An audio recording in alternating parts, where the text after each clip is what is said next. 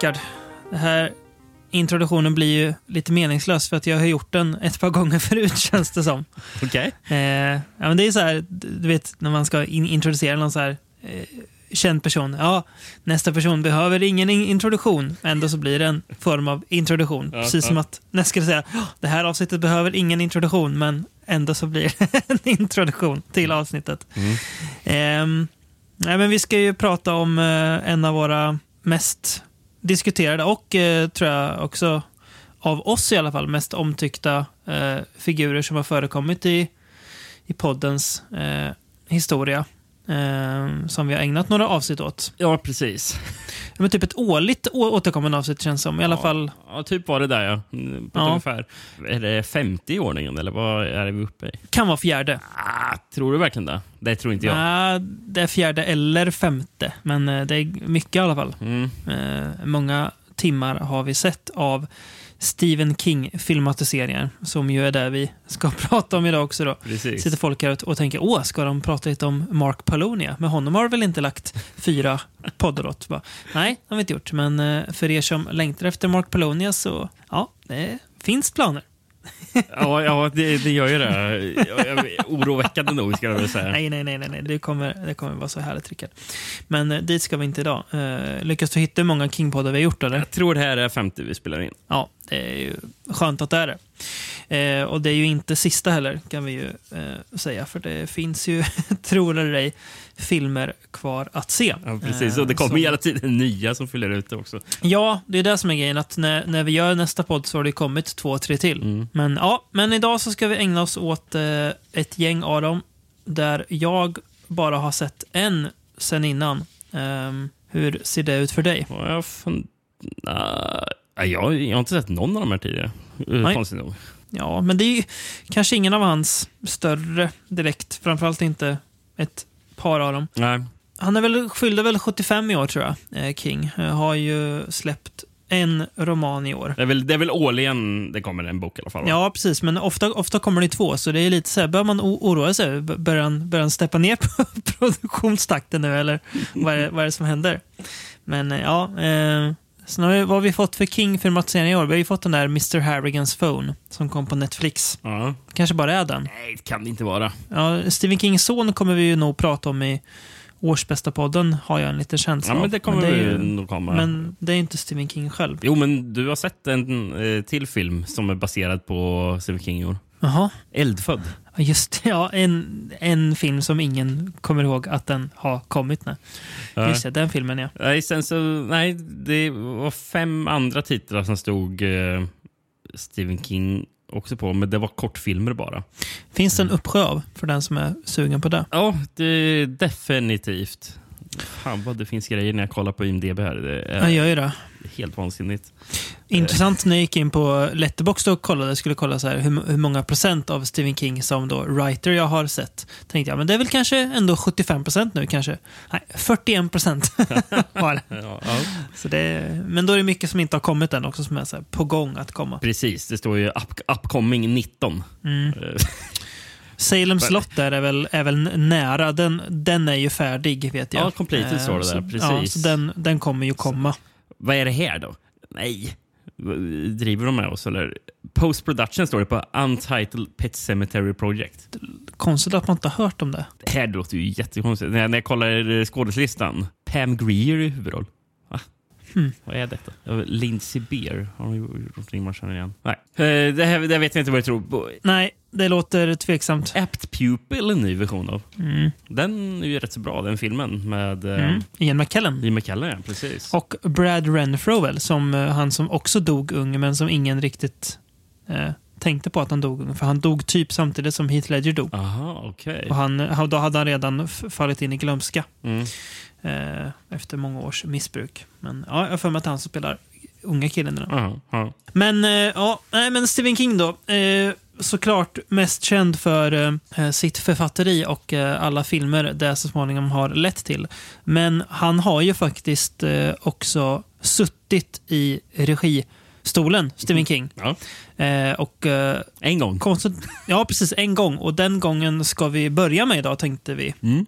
1986. Om jag inte är ute och cyklar så är det här typ peak Kings kokain och alkoholcykel. Jag, jag, jag är lite osäker på eh, hela kronologin eller, bakom hans eh, drickande. Men här, jag är ganska säker på att han har, inte, han har inte blivit nykter här i alla fall. Nej, nej det, det har han inte blivit.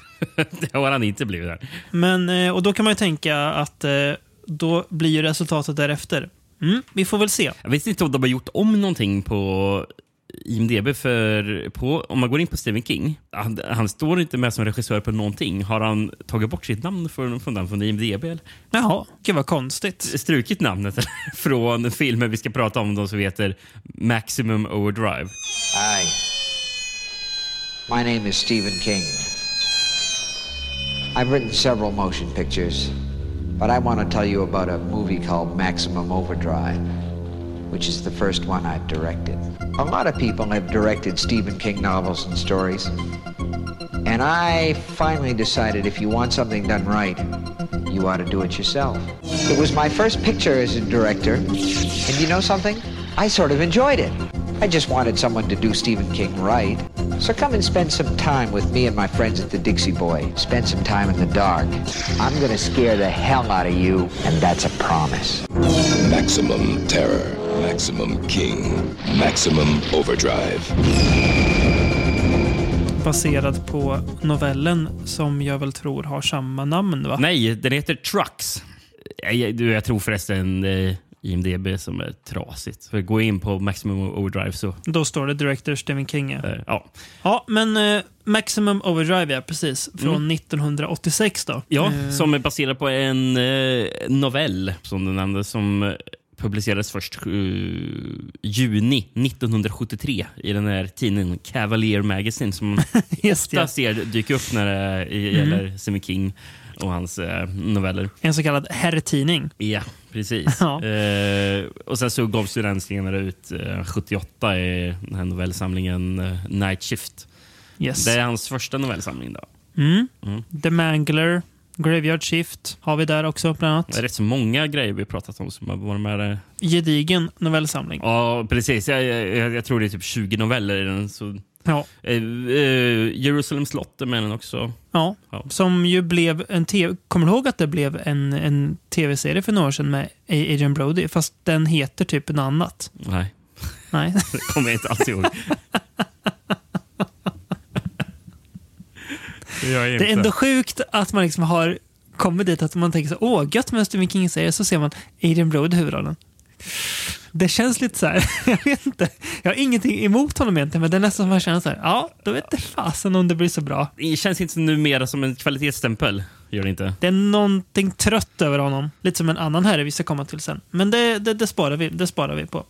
Eh, Maximum Word Overdrive då. Eh, hur är det med alternativa titlar på denna lilla Ja, vi har ju Brasilien, eh, terrortåg. ja. Bulgarien är ändå i toppfart. ja, det gillar jag också. Ja. Kanada, inte lika imponerande. Onda lastbilar. Nej. Hade lastbilar bara var kort och gott varit bättre som trucks. Ja, det hade varit, hade varit bättre. Colombia, terrorns maskiner. Den var bra. Mm. Eh, Tjeckien, maskinernas revolt. Eh, ja. Holland, Holland låter som en kul film. Gasen i botten. ja, det låter som en komedi. Um, Argentina, åtta dagar av terror.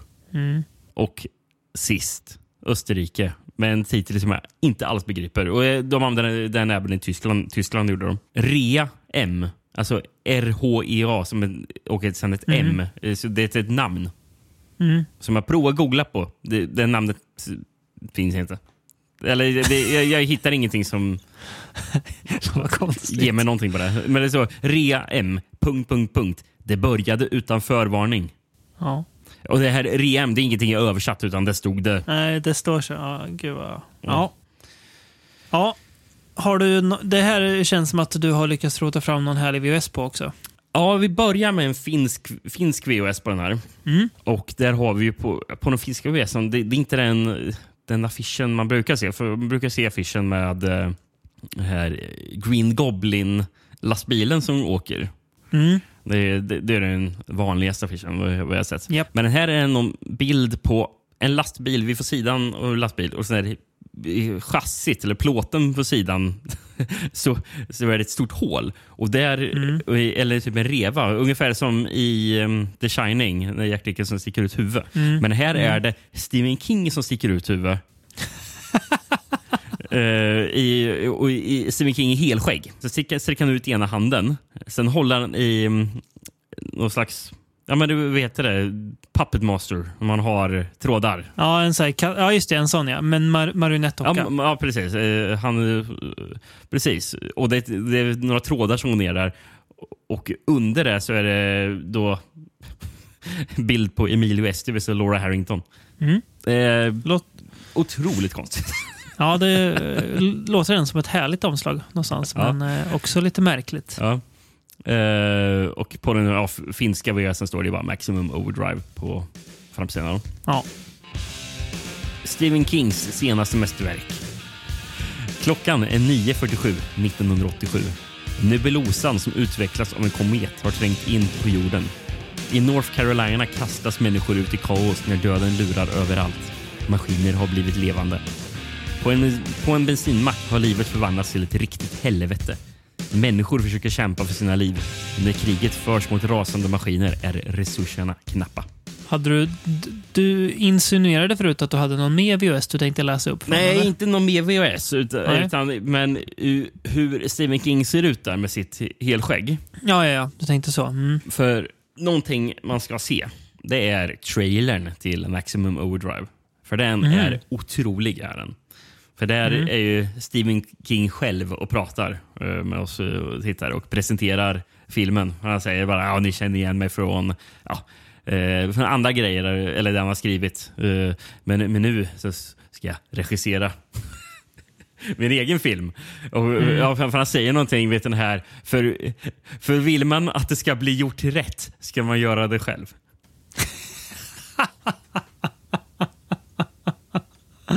Ja. Vilket är väldigt kul eftersom Stephen King avskyr den här filmen. Undrar vilken han gillar minst av den här och eh, The Shining. Mm. Ja, det är ju... Ja.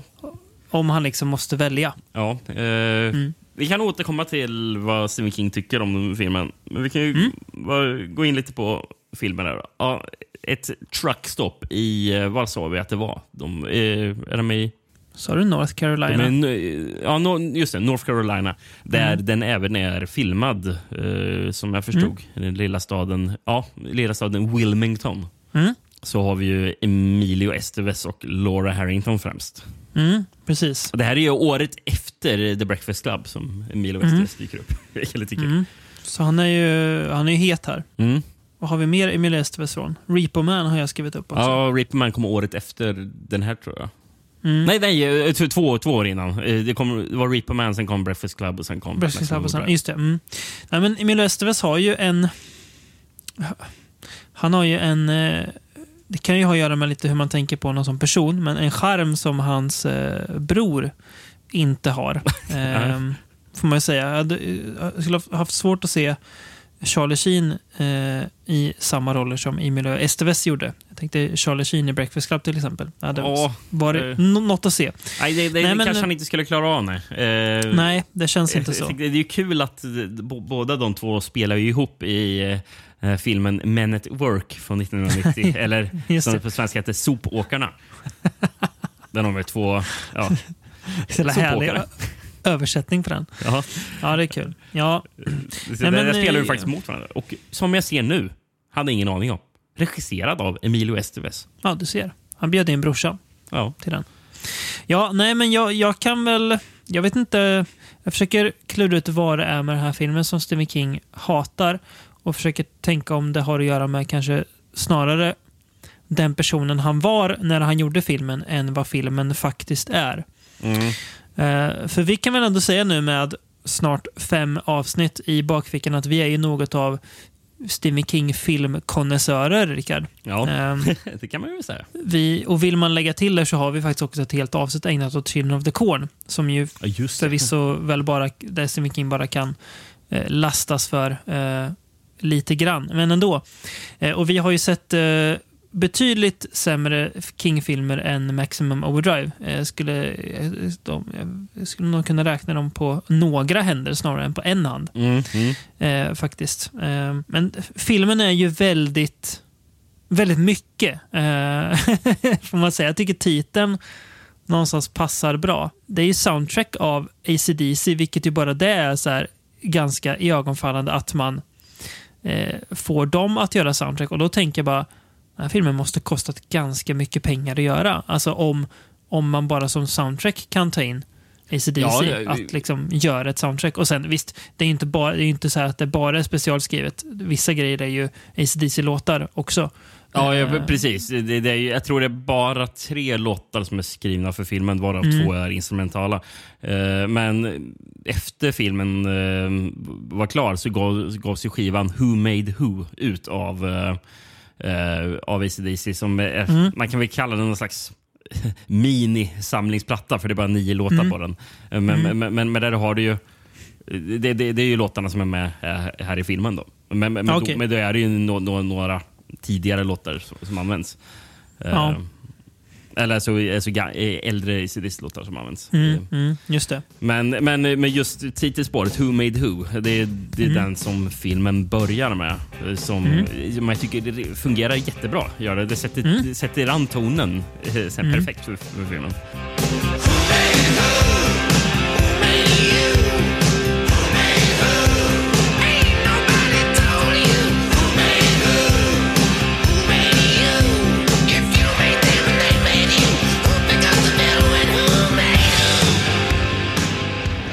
Och jag är ju inga stora ACDC-fans annars ju. Vi, vi är ju ganska Nej, inga kondensörer direkt. Nej, vi är ganska ljumma när det kommer till ACDC musik. Vi, jag kanske har kommit dit att jag kan acceptera det. Eh, innan, tidigare tyckte jag att det var jättetråkigt. Nu kan jag säga så, ja, ja, det går väl att lyssna på. Men som du säger så tycker jag det funkar väldigt bra. Eh, både i början av filmen, jag tycker det funkar bra till hela filmen. Eh, Precis, passar filmens en, eh, övriga ton. Det fin, finns en sekvens, det är ju typ när det ska bli... Det, de ska förbereda sig för typ slutkonfrontationen. Mm. Och då börjar riffet till Hells Bells börja spela. Och det är skitsnyggt där. hur de hur de har Mm. klippt ihop det med musiken. Man får, får verkligen bara känslan av att nu är det, nu är det dags.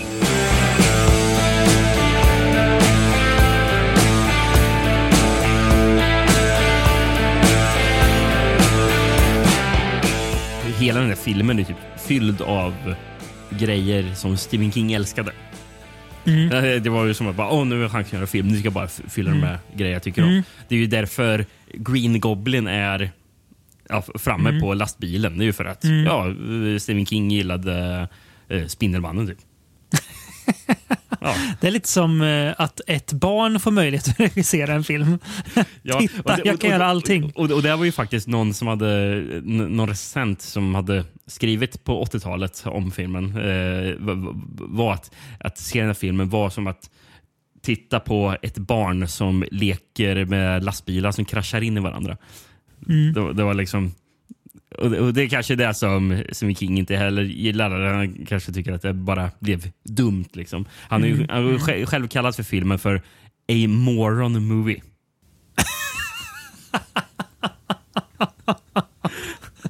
Aj, kul. Nej, men, eh, jag menar, apropå att han fyllde grejer, filmer med grejer han älskade. Mm. Förutom Green Goblin där så ville han ju... Det var inte tänkt att Emilio Estevez skulle spela huvudrollen utan Stephen King ville, eh, ville ju att eh, Bruce Springsteen skulle spela huvudrollen. Tänk vilken film det hade blivit. Okej, men Dino De Laurentiis som har producerat filmen, han, han, han, han, han sa nej. För Dino visste inte vem Bruce Springsteen var. Mm. Och jag, men det var ju ett nytt namn här i Emilio Estevez. Han är up and coming. Vi kör med han istället. Mm. Och sen så, ja, grejen älskar ACDC som sagt. Tydligen Mm. så ville inte de, de göra soundtracket från början. Eh, Nej. Bara, nej, det här är- känns inte riktigt som någonting vi vill eh, delta i. Men Mm. King, på, på något möte med dem, med, med Malcolm Angus och vilka mer det kan ha varit, så Mm. övertygade King dem genom att han började då sjunga eh, deras låt Ain't no fun waiting around to be a millionaire. Hela låten sjöng han ett för. Kanske också tecken på ett, eh, alkohol och kokainmissbruk att man bara gör sådana saker. Precis, det låter ju som kokainen var Ja, aktiv där. Eh, Japp. eh, King har väl också beskrivit att under hela inspelningen var ju coked out of his mind.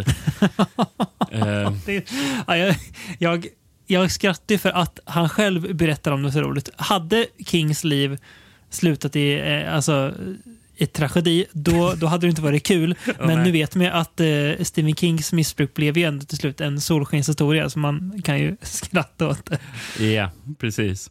Ja, men, men alltså, egentligen... Jag vet inte. Det var någonting jag tänkte på när jag såg filmen. För det är ju egentligen inte så mycket som filmen utgörs av förutom set pieces där de här olika typer av maskiner attackerar folk. För det är inte bara lastbilar. Nej. Eh, vi har ju vi har en scen inne på eh, det är inte en arkadhall, men det är ett rum som är typ mm, lite arkadmaskiner och någon flippermaskin och sånt där. Där vi får se en ung eh, Giancarlo Esposito. Mm. Eh, som säger John Mama till ett flipperspel innan han blir elchockad av, eh, till döds av arkadmaskiner. Där inne. Det, är no, det, det har något. Ja, jag kollade upp vet du, om hur många filmer han hade gjort innan. Tydligen var han, Mm. hans första filmroll eh, 1979 i den italienska sexkomedin Tutti Ascola. Hur fan hamnade han där? det är en otroligt bra fråga. Ja, från det till Breaking Bad alltså. Ja. Eh, nej men det, det, det är ju liksom maskiner har ihjäl folk Mm. och sen så är det mer, alltså, filmen känns ju nästan lite som en zombiefilm i det här. Mm. eh, det är en liten grupp människor som är isol, isolerade på en plats. Jag, jag, alltså jag får de vibbarna, eller ja, typ At- Attack on Precinct 14 liksom. Även det. Eh, ja, men jag förstår vad du menar. jag, jag tänker också lite de är på det här truckstoppet som de hänger på. Eh, vad heter Mm. det? Dixie Boy eh, he, heter det va? Som jag läste att eh, lastbilschaffisar Mm. trodde ju det var ett ri- riktigt truckstopp. eh, Så här. Fortsatte så här, köra in och ställa sig. eh, Och, och som bara fick alltså folk från inspelningen komma på nej men nej. det är ingen riktigt truckstop. Det är en, film, just det. det är en filmspelsplats. Så de fick hade lägga, de ut, de fick lägga ut någon sån här annons i tidningen som förklarar att det, där, att det här inte är riktigt, Nej, just det. inte riktigt truckstop. Att det blev ett problem, ja. Ja, när man är med på uh, truckstop, truckstoppet i alla fall. Jag, jag, jag tänker lite på Planet Terror också för jag vibbarna av. Mm, just det. Ja, men lite hur de här karaktärerna... Ja, men jag, ja, jag förstår vad du menar. Ja, och lite också karaktärsgalleriet. Att det är lite så här... Det är väldigt blandat med folk. Här. Ja, och lite små over the top. Inte alls på samma sätt som i Planet Terror, men lite, lite grann. Det här att han eh, som har truckstoppen har ett, en hel jäkla arsenal med vapen eh, nere i ett hemligt rum eh, under det här stället. Liksom. Så här, ja, hur har du fått få tag på de här? Ja. Eh, men de, de kommer ju väl till nytta. Eh, Vi har ju men- Mm. också en läskmaskin som eh, dödar folk. Eller attackerar folk i alla fall. Och sen så Jag har vi en den, riktigt eh, grov scen där det är en ångvält som kör Japp. över ett eh, barn. ett barn, ja. Alltså, när jag såg den scenen bara oj, vad händer? Och, och, och den scenen skulle ju tydligen vara mycket grövre från början. Eh, Ja. För de hade ju någon... De hade väl någon sån här påse med något material som skulle föreställa blod som skulle Mm. komma under den där ångvälten så att det skulle se ut som att det skvätter lite blod från ångvä- ångvälten. Mm. Men effekten, vad jag förstod det som, eh, blev snarare att det såg ut som att barnets huvud exploderade. Och där bara, nej, vi måste klippa bort det där för det där Mm. Det går inte. Exakt. Det, Men är, det är tydligen jättemycket de har klippt bort från den här filmen eh, för, för att undvika X-rating. Ja, oj. Det hade man ju Ehm. velat, man har ju velat sett det materialet. Mm. Eh, Ändå. det för eh, George Romero såg ju den oklippta versionen. Mm. För George Romero hängde på, eh, på set tillsammans med Stephen King under det inspelningen. de var ju, de var ju bl- blivit polare där eh, Mm. runt det här. Ja, det var väl i, i och med Creepshow de blev polare. Ja, det var, måste det vara. Nej, men, eh, Romero hängde på set tillsammans, tillsammans med King och King frågade Mm. honom om regitips. Och, så här. och det, det finns ju rykten om att eh, Romero har egentligen regisserat filmen men eh, på grund Mm. av att det finns lite kameravinklar och sånt som återkommande från Romero. Men jag, Mm. jag tror det snarare handlar om att ja, han fick hjälp av, av, Romero. Tror jag. Mm. jag. Jag tror inte han regisserar filmen. Nej. Eh, Men, nej, men, men, tydligen när, eh, när Romero såg den oklippta versionen så eh, hade han sagt att eh, eh, it, it made him sick. Oj. Eh, Så den var nog rätt så grov, kan jag tro. Ja, gud, ja, ja, den kommer väl säkert, det är väl säkert eh, material som har förstörts sedan länge. Ja, som man alla kommer få se. Men man måste ju få drömma. Säkert. Annars känns det som att man redan hade sett det. va? Ja, precis. Vi har ju Stephen King i början på filmen också. En cameo. Mm, mm. Innan eh, intro creditsen. Va? Eh, Han ska väl ta ut, ta ut pengar va? Ja, på en bankomat. eh, bankomat och blir eh, illa bemött av bankomaten. Ja. Och, och, ovanpå banken står det ju först bara på den här digitala banderollen så står det Mm. ju “fuck you”. Står det. Kul tycker jag att, att det liksom börjar så, så mjukt med lite otrevliga skyltar. ja, precis. Nej, men sen så tar han ju när han ska, ta ut pengar och någonting så det står väl något meddelande till honom och då säger Stephen King eh, “This machine just told me I'm, I'm an asshole”. Det är väldigt kul. Just det, eh, grejen vi glömde säga eh, om den här trailern till filmen också. Mm. Eh, förutom att Stephen King står där och pratar eh, och gör lustiga miner. när han ska prata lite spöklikt med tittarna. Mm. Så spel, eh, den musiken som används i, eh, i trailern, det är soundtracket Mm. till Halloween 3, Season of the Witch.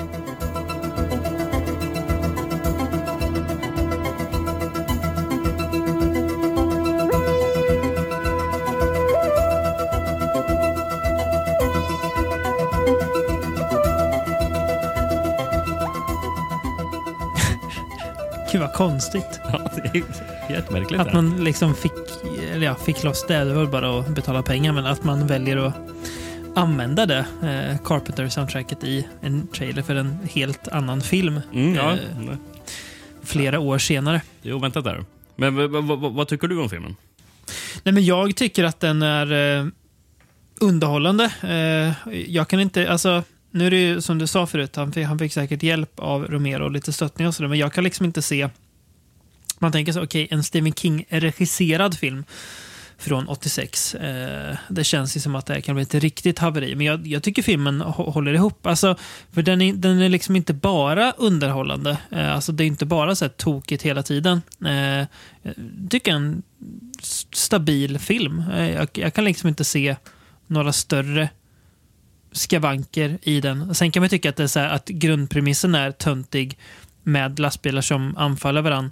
Men då blir det ju töntigt oavsett vilken regissör du har. Så att, alltså, någonstans. Och jag tycker så här, nej men jag tycker det, Jag, jag ser inga problem med. det nej, jag, jag tycker det funkar. Jag tycker det känns obehagligt när de här stora, liksom, alltså tvåsiffrig ton tunga lastbilarna cirkulerar runt den här, eh, den här truckstoppen som att de verkligen så här, ja, men att de är gamar runt, runt lik. Typ. Så det, det, det tycker jag funkar bra. Det, när jag såg den scenen så kom jag ihåg att det är bra i novellen. Jag kommer inte ihåg mycket av novellen, men just den biten minns jag. Att de verkligen ser hur de cirklar runt dem som rovdjur och att de tänker att de, ja, att de verkligen är medvetna också, maskinerna, om vad de gör. Att det inte bara är liksom eh, att de råkar komma till liv och beter sig konstigt, utan att de är eh, medvetet styrda av någonting. Mm. Ja. Du då? Vad tänker du? Nej, men det jag känner att jag redan förklarat vad, Mm. vad, jag tycker är bra med den. Eh, Jag gillar stämningen. Eh, Mm. Jag tycker den är kul. Liksom. Den, den, Mm. den är ju alltså, fartfylld och rolig.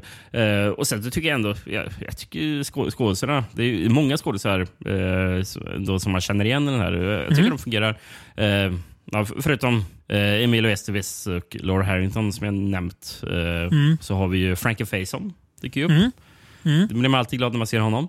Japp. Eh, väldigt oväntat, eh, oväntat så, dyker Jardley, eller Yardley Smith upp. Eh, Rösten till Lisa Simpson. Mm. Hon är ju inte jättesympatisk karaktär i filmen. Nej. Ehm, Eh, Men, det är ja. inte direkt. Eh, och hon, hon, hon skäms över filmen, har hon sagt också. Ja. Eh, men vad vad är roligt att hon skäms över filmen. Men det finns ett Simpsons-avsnitt från 1999 som heter Maximum Homer Drive. Undrar vad hon, eh, hon tänkte när, när det av- av- avsnittet skulle göras. Ja. Måste vara så mm, mm. Och sen har vi ju ja, eh, Pat Hingle också, som är en Mm. av eh, huvudrollerna. Eh, spelar ju karaktären Baba. Mm. klart han gör. Det är väl han som äger truckstoppet va? Ja, precis. Mm. Och det är roligt i den här lilla staden Wilmington Mm. i North Carolina som filmen spelades in. Eh, trots att det är en väldigt liten stad, alltså i USA-mått mätt. Mm, Liksom. mm, Eh, eh, det, är, det är en väldigt liten stad för att spela in en film i. Sådär, man- Mm. med tanke på vart filmer annars brukar spelas in. Eh, Mm. men, men samtidigt som Maximum Overdrive filmades så filmades en annan eh, stor film. Mhm. Sam, exakt samtidigt. Mm. Blue Velvet. Mhm. Ja, för den är också från åt- 86. Ja, så det var liksom två fi filmcrew som var i staden samtidigt. Och de började ju så hänga med varandra efter shooting var klar. Och sånt där. Eh, och jag, jag kollade upp. Eh, Wilmington, den är en stad på nu, alltså 2022, Mm. så är det en stad på 115 000 invånare. Så jag vet inte vad det var då. Men, men, men, men nu är det liksom en stad stor som Linköping. Där dit, dit det kommer två stora, rullar in två stora Hollywood-produktioner. Mm. Alltså, och då, då får man tänka att det är med USA-mått mätt också, som du sa. Mm. Ja, Ja, är intressant att eh, just eh, den lilla staden blev utvald. ja precis. Hur det kom sig och varför det inte blev mer sen. Ja. Tror du Stephen King och David Lynch hängde? David Lynch känns som en svår person att hänga med. Ehm, David Lynch känns heller inte som en person som kanske älskar att hänga med kokainstinna människor. Jag vet det är nog inte. sant faktiskt. Ja. Ja, eh, Det- men eh, Ja. de, de, de, de hälsade säkert på varandra och Stephen King sa garanterat att han gillade Eraserhead. ja. Nej, men det- Anledningen anledningen till att jag återigen kommer att tänka på staden Wilmington när jag nämnde Mm. Pat Hingle. Eh, för efter produktionen var klar, då Mm. flyttade Pat Hingle till Wilmington. Han blev så förälskad i den lilla, lilla staden att han tog sitt pick och pack och fly- flyttade dit. Alltså. Precis. Och jag, och jag tror Ja. han bodde där fram till att han dog 2009. Ja, det, man kan bo på sämre ställen på denna jord än Wilmington, North Carolina. Det kan man sannerligen göra. Ja. Ja, Eh, det, det, skedde faktiskt en tragedi på filmen har du, under filmningen. Har du hört om den? nej, det har jag, det har jag lyckats missa. Eh, fotografen till filmen är ju en italienare, eh, Armando Nanuzzi. Mm. Han har ju bland annat fotat My name is nobody med Terence Hill. Mm.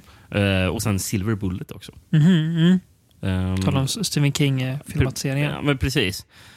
Men, men det var ju någon scen de skulle filma där det var någon gräsklippare som träffade en bit trä.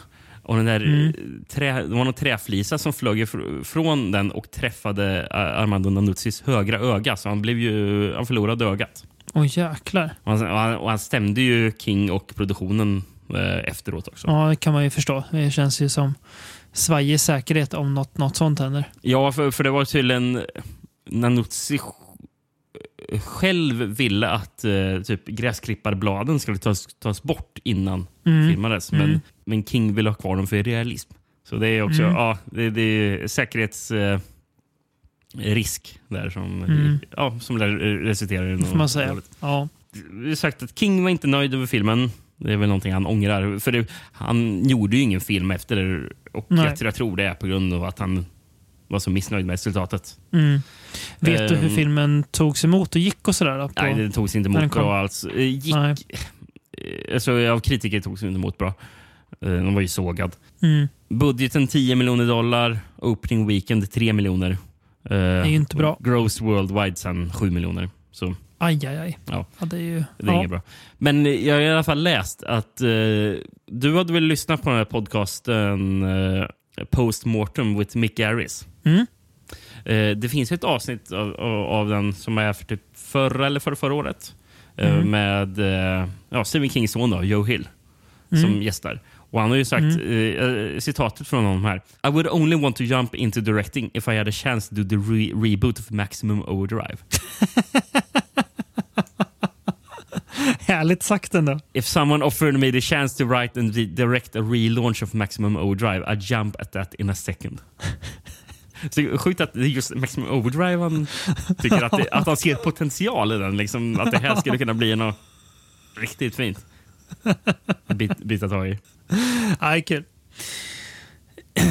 Ska vi eh, gå vidare från Kings enda regi eh, till en film som är väl minst King av de vi ska prata om idag? Ja, det är en är det en fjärdedel King. Ja, det kan man säga. Ja, egentligen, Om man, eh, egentligen, om man räknar på antal sekvenser. Eh, Mm. Egentligen så är det ju mindre än det, för den är rätt så kort sekvens. Ja, För vi ska ju prata om en antologifilm. Som heter Tales from the Dark Side, The Movie. Eh, från 1990. One tale of terror, Better him. One tale of fate, one tale of revenge, and one tale of evil. I'd love to hear the story. From Stephen King, Michael McDowell, and George Romero, the masters of horror. I warned them, but they wouldn't listen. Tales from the dark side.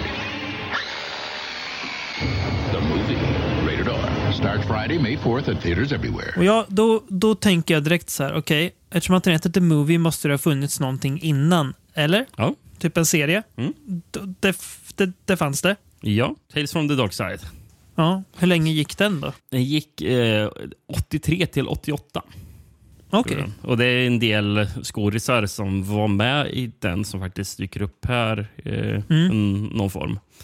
Eh, det är lite samma folk som är inblandade. Eh, men vi kan återkomma till det. Mm. Eh, jag tänkte jag kan dra lite titlar som handling först, så kan vi komma gå tillbaka Mm. till det. Eh, I Argentina hette den Innan gryningen. Eh, Kanada Sagor om den mörka natten. Ja. Eh, Tyskland, Sagor från skuggvärlden. Mm. Finland, Stephen King, Den mörka sidan. Och Grekland, den här, det här, är- den här är bra. I en annan dimensions gömställen. Den är bra. Det är riktigt bra titel på en antologi. Ja, det är det. Fast det låter nästan ännu mer som man ska vara för Twilight Zone. Ja, det är det. Eh, det här med dimensioner och så, ja. Mm. Mm. Eh, och jag tänkte att du ska få höra en svensk VHS på den här. Mm. Eh, Den, eh, den hade min pappa. Jaså? Ja, har kanske kvar. Det, var, det, det är så jag har sett den en gång förut. För det är Mm, den här okej. filmen jag har sett för länge sedan. Den hade han på US. Utgiven av Sandrews. Ja. Skräckfilmen som gick direkt upp i topp på USAs biolista. Står det på framsidan. Mm. Och den heter... det, det är roligt att den heter eh, Tales from the Dark Side av Stephen King. ja, jäklar vad man försökte sälja in hans namn. Ja, och längst upp på den står det också Rysare från skräckens mästare som producerat Stephen Kings Djurkyrkogården. Mm. Så man, dels säljer man in att filmen skulle vara på något vis av Stephen King. Dels är det, det är samma producent i den här filmen som har producerat en annan Stephen King-filmatisering. Därför är den bra. Ja. Kommer du ihåg för, för förresten den här, lång, här långsökta King-grejen som Ginsa körde med i några kataloger? Eh, nej. Du vet det när man kunde bläddra när det bara var så titlar uppradat och så stod det så här, filmens namn och så stod det inom parentes typ skådis eller regissör och sen vad den kostade.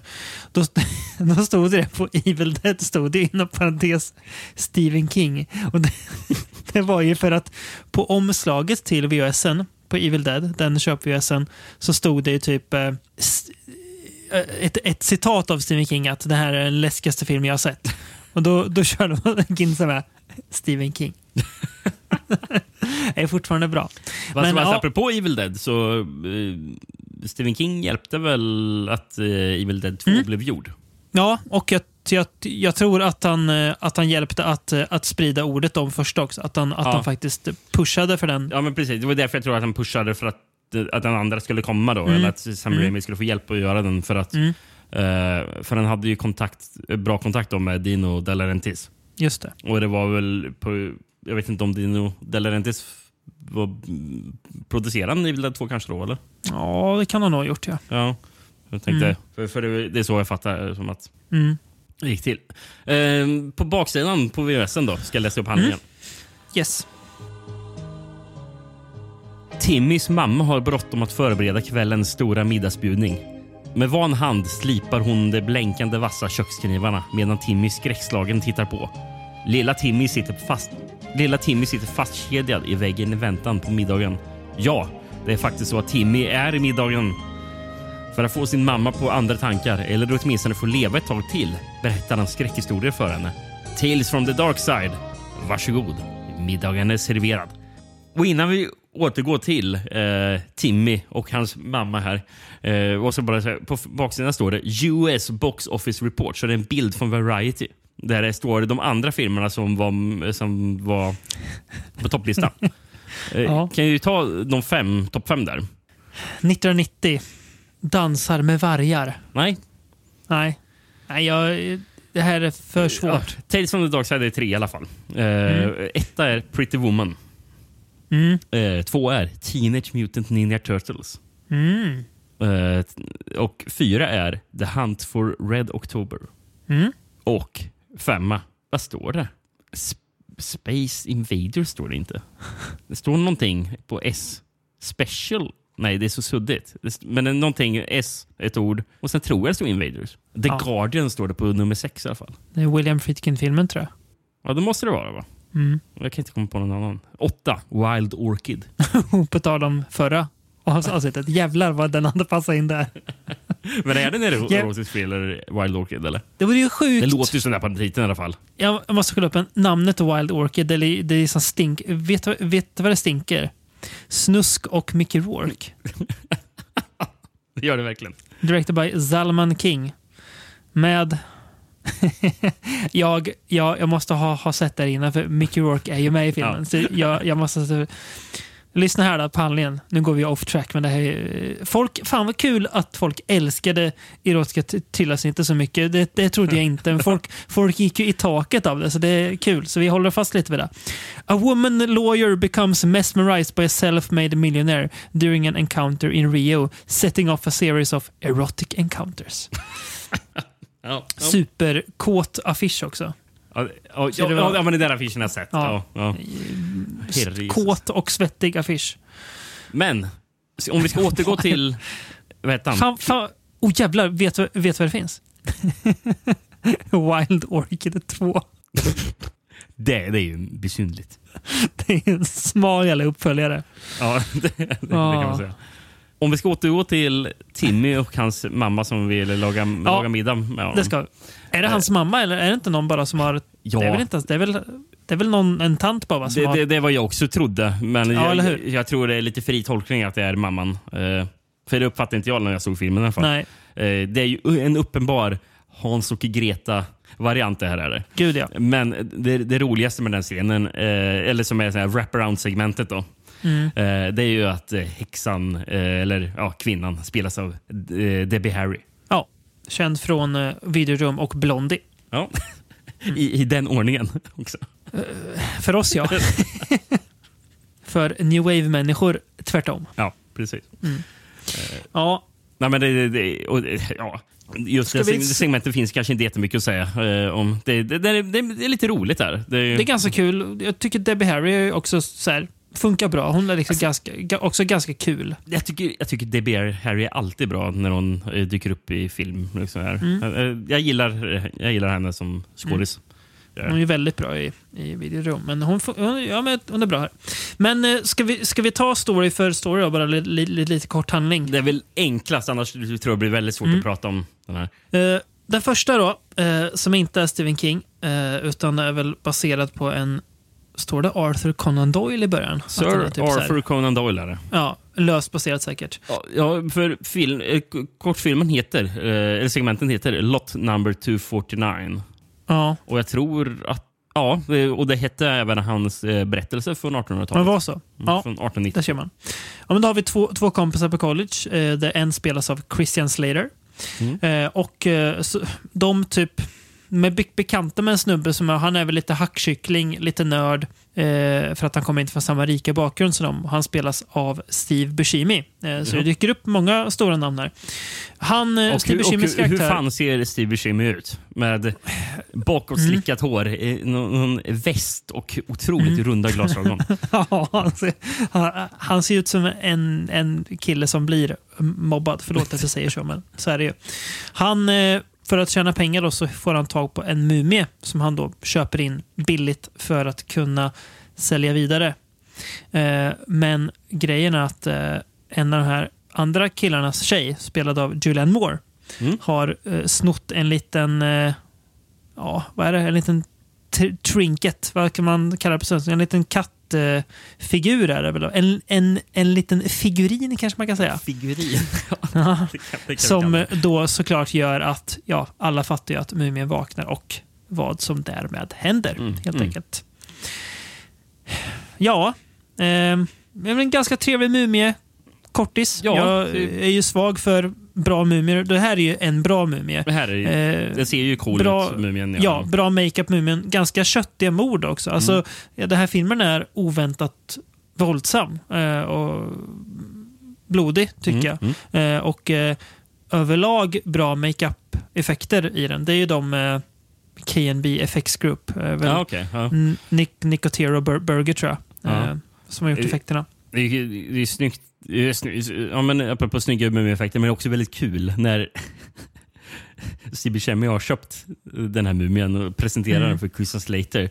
Och sen så Mm. bara, ja men vi, ska ju, vi måste ju öppna upp den. Så här, utan problem, bara omedelbart börja Mm. ob- obducera Mm. den här mumien. Mm, som att det inte är någonting.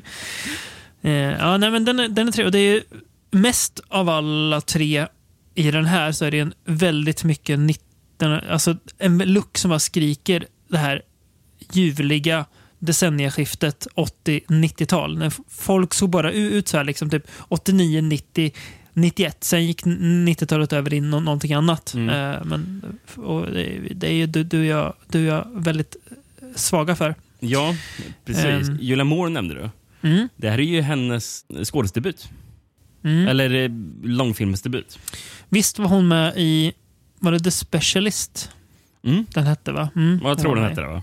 Mm. Som är alltså fyra år senare och hon såg extremt ung ut då. Här är hon alltså ännu yngre. Ja, Mm. precis. Uh, nej, men det var debuten. Sen Mm. har, vi- har ju en scen då Eh, jag tror Christian, för mig Christian Slater ligger på sitt rum och lyssnar på musik. Han lyssnar på en japp. riktigt mäktig sån här Ja, AOR-låt. jag har skrivit upp den också. Jag, den såg inte med på, som soundtrack på. IMDB.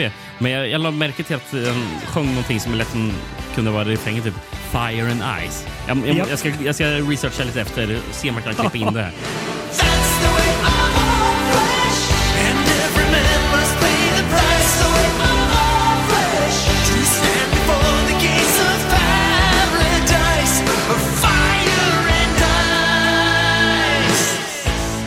Jag reagerar också på vilken jävla dänga. Alltså. Ja, eller hur? Svinbra var den. Då blev jag lycklig. Ja, nej, och Christian Slater är ju ja, han är härlig också. Han funkar bra. Steve Ja, det alltså, det är liksom det är en, en, en, en stabil liten så här kortis som jag kan, ja, kan se också hade funkat som ett, ett, ett eget 30 minuters avsnitt i en tv-serie. Mm. Den är liksom la- lagom lång, den gör precis vad den ska och så är den slut. Och det, ja, Mm. gott, gott så. Ja, eh, och eh, i det är en scen i eh, den här Lot 249 eh, som Mm. man kan höra att Dawn of the Dead spelas på en tv. Mhm. Så Det är Men, också eh, kul. Sån här mm. Romero-koppling till Creepshow. Och Mm. nästa del kan man väl säga att det också Mm. är kopplat till. Det För får säga. det är väl um, Romero som har skrivit manuset till den. Ja, men baserat på en, eh, en Stephen King-novell. Cat from Hell heter Mm. eh, den. Jag vet inte vad, vilken novell det här ska vara baserat på. Eh, det är en novell som heter Cat from Hell. Okej. Eh, publicerades mars 1977 i Cavalier Mm. Säkert också med i Night Shift sen. Eh, och, ja, jaha, du. Det här är ju väldigt kul. Mm. First 500 words uh, of the story in March 1977 in Cavalier and the magazine held a contest for readers to finish the story. Mm. Uh, the winning entry as well as King's complete story was published in the magazine in June of the same year. Mhm. It also appeared in Gent volume 18. Är det bara herrtidningar som Stephen Kings noveller har publicerats? Det var de som, vill, som vill, ville ha hans grejer.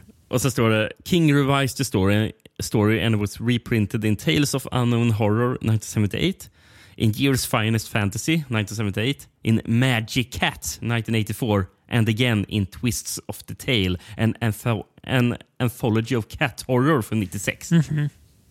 Ser du vilken novell? Är, det, är den i Night Shift eller? Nej, det står inte med. Jag tror, Nej. jag tror inte de är någon samling. F förutom uh, ja, Twist of the Tale, en, en anthology of cat horror, om du vill läsa den. Får du Mm. skaffa den Ja. antologin. Det låter som en rätt Precis. härlig antologi dock. Ja, det gör det. Säga, det kan nog vara mycket dumt där i. Eh, Eh, du, ja, men, du, eh, it was later reprinted as a bonus story in the paperback edition of Duma Key. And again Okej. in Just After Sunset. mm, Den, Och den är väl en novellsamling? Jag ska- Just ja, det. Sunset. Jag, ska, jag, får, jag får kolla igen den, se om jag hittar. Duma Key, den har jag inte hört talas om. Det är bara en roman. Där. Ja, alltså en, en av de där man inte typ vet något om. Lite som det här eh, Lysis story, som man inte liksom vet något direkt om. Som Man- kom en tv-serie förra året på, tror jag. Mm. Yes, med eh, Julianne Moore tror jag. på Jo, riktigt. jag tror det. Ja, jag tror det. Japp, så det är spännande nog.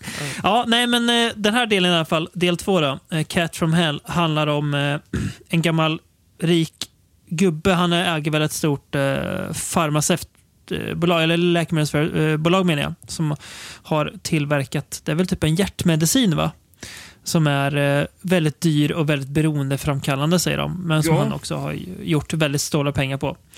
Ehm, han hyr en hitman.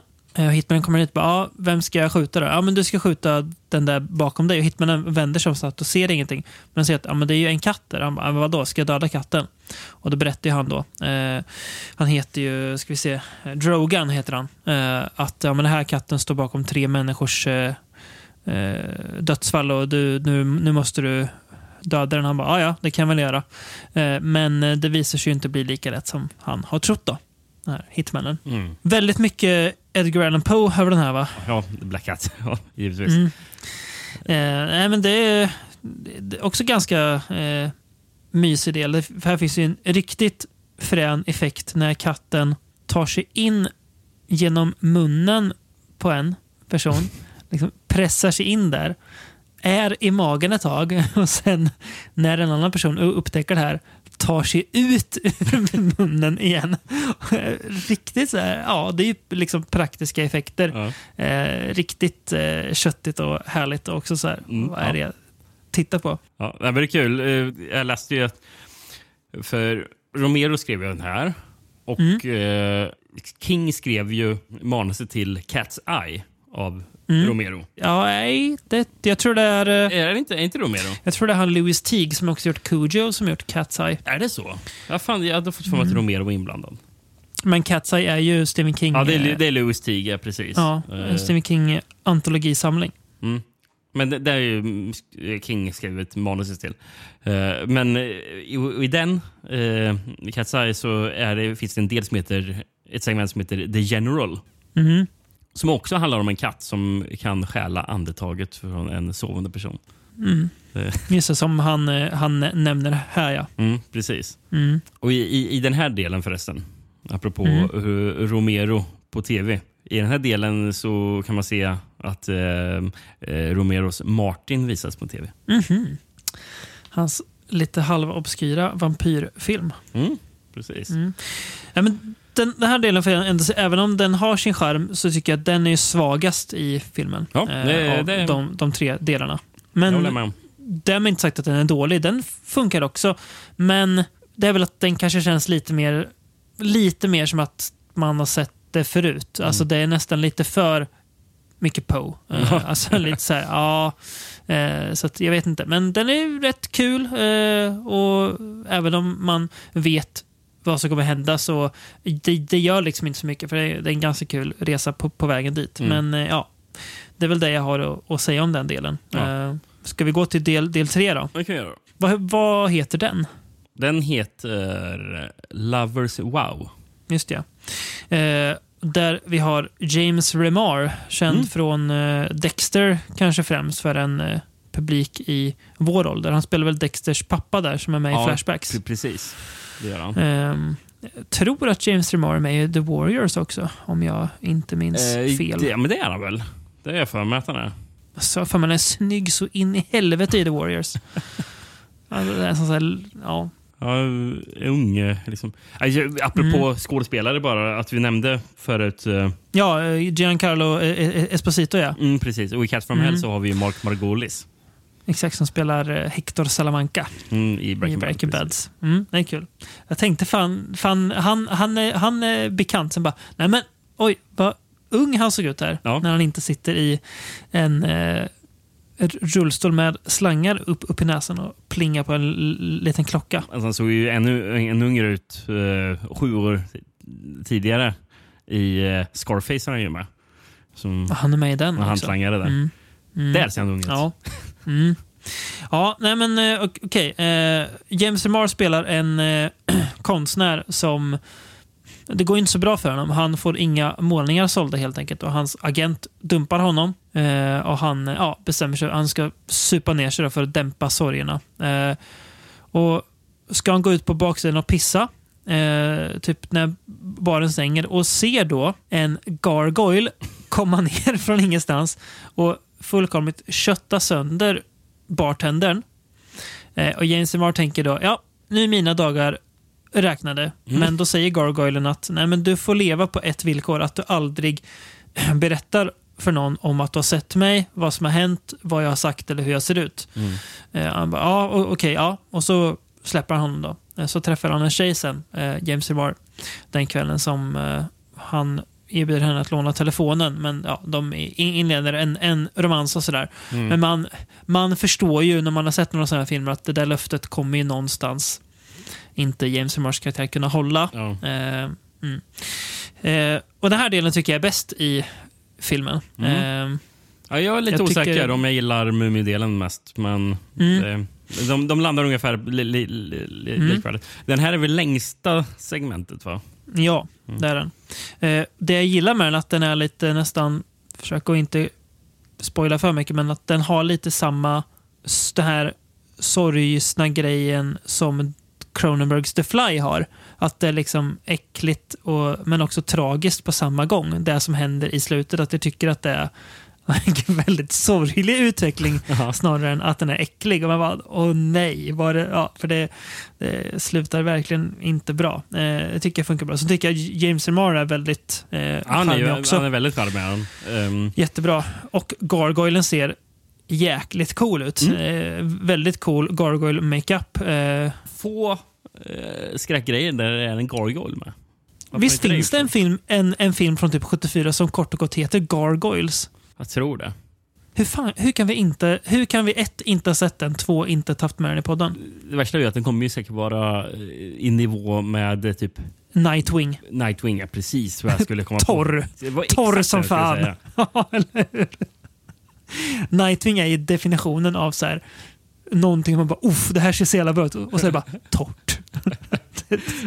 Trist liksom. Ja, jo, risken Eh, finns väl. Det är en rolig grej som eh, ja, Remars, eh, ja, det som blir hans fru, eh, är, typ, Mm. är det väl i, Mm. i segmentet. Japp. Som spelas av vad heter hon? Ray Dawn Chong. Mm. Som Carola. Hon heter. Japp, Mm. kul, att, kul att heter det. Ja. Eh, ty- tydligen fick ju filmen lite kritik för att det var interracial, interracial relationship mellan de två. För hon är ju svart. Det, var, det var tufft för publiken tydligen. att- Det var, det var andra tider. Ja, eh, men andra eh, tider. hon säger till ett, ett, eh, eh, är det sin dotter, för, för, för segmentet hoppar lite i tiden. Den hoppar tio, Mm. år, eh, ja, tio år Ja. senare. Typ.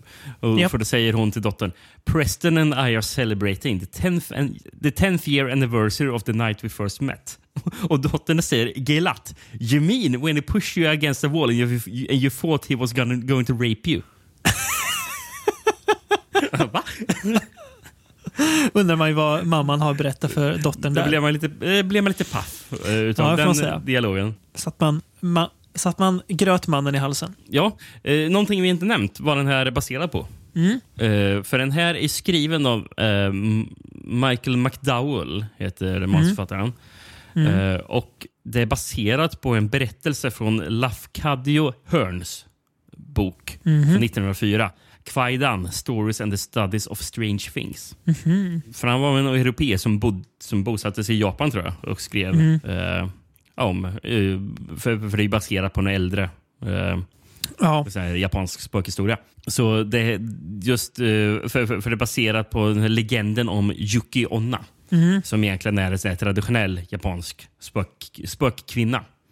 Okej. Och där gjorde man... Michael McDowell, McDowell tyckte att nej, vi ska göra det till en gargoyle istället. Men jag, jag, jag, jag kan se att det här, det här med att, att den här gargoylen kommer och träffar James Remar. Liksom. Jag kan verkligen se det som en ja, någon, någon sån japansk, eh, japansk spöke som kommer att säga det. Jag kan, Mm. jag kan föreställa mig det, verkligen. Mm. Också. Ehm, och eh, eh, just, just den här, samma förlaga om Yoko Onna eh, förekommer ju i segment två i filmen Kwaidan. Mm, Okej. Mm. Som är här. Ja. Nej, Men, jag- men, men det är roligt, eh, det var ju tänkt att det skulle vara andra delar Mm. eh, som blev scrappade. Eller för, först och främst ska vi säga Cat from Hell skulle ju först egentligen vara med i Creepshow 2. Mm. Jaha. Men blev eh, scrappad på grund av budgetanledningar. Eh, anledningar.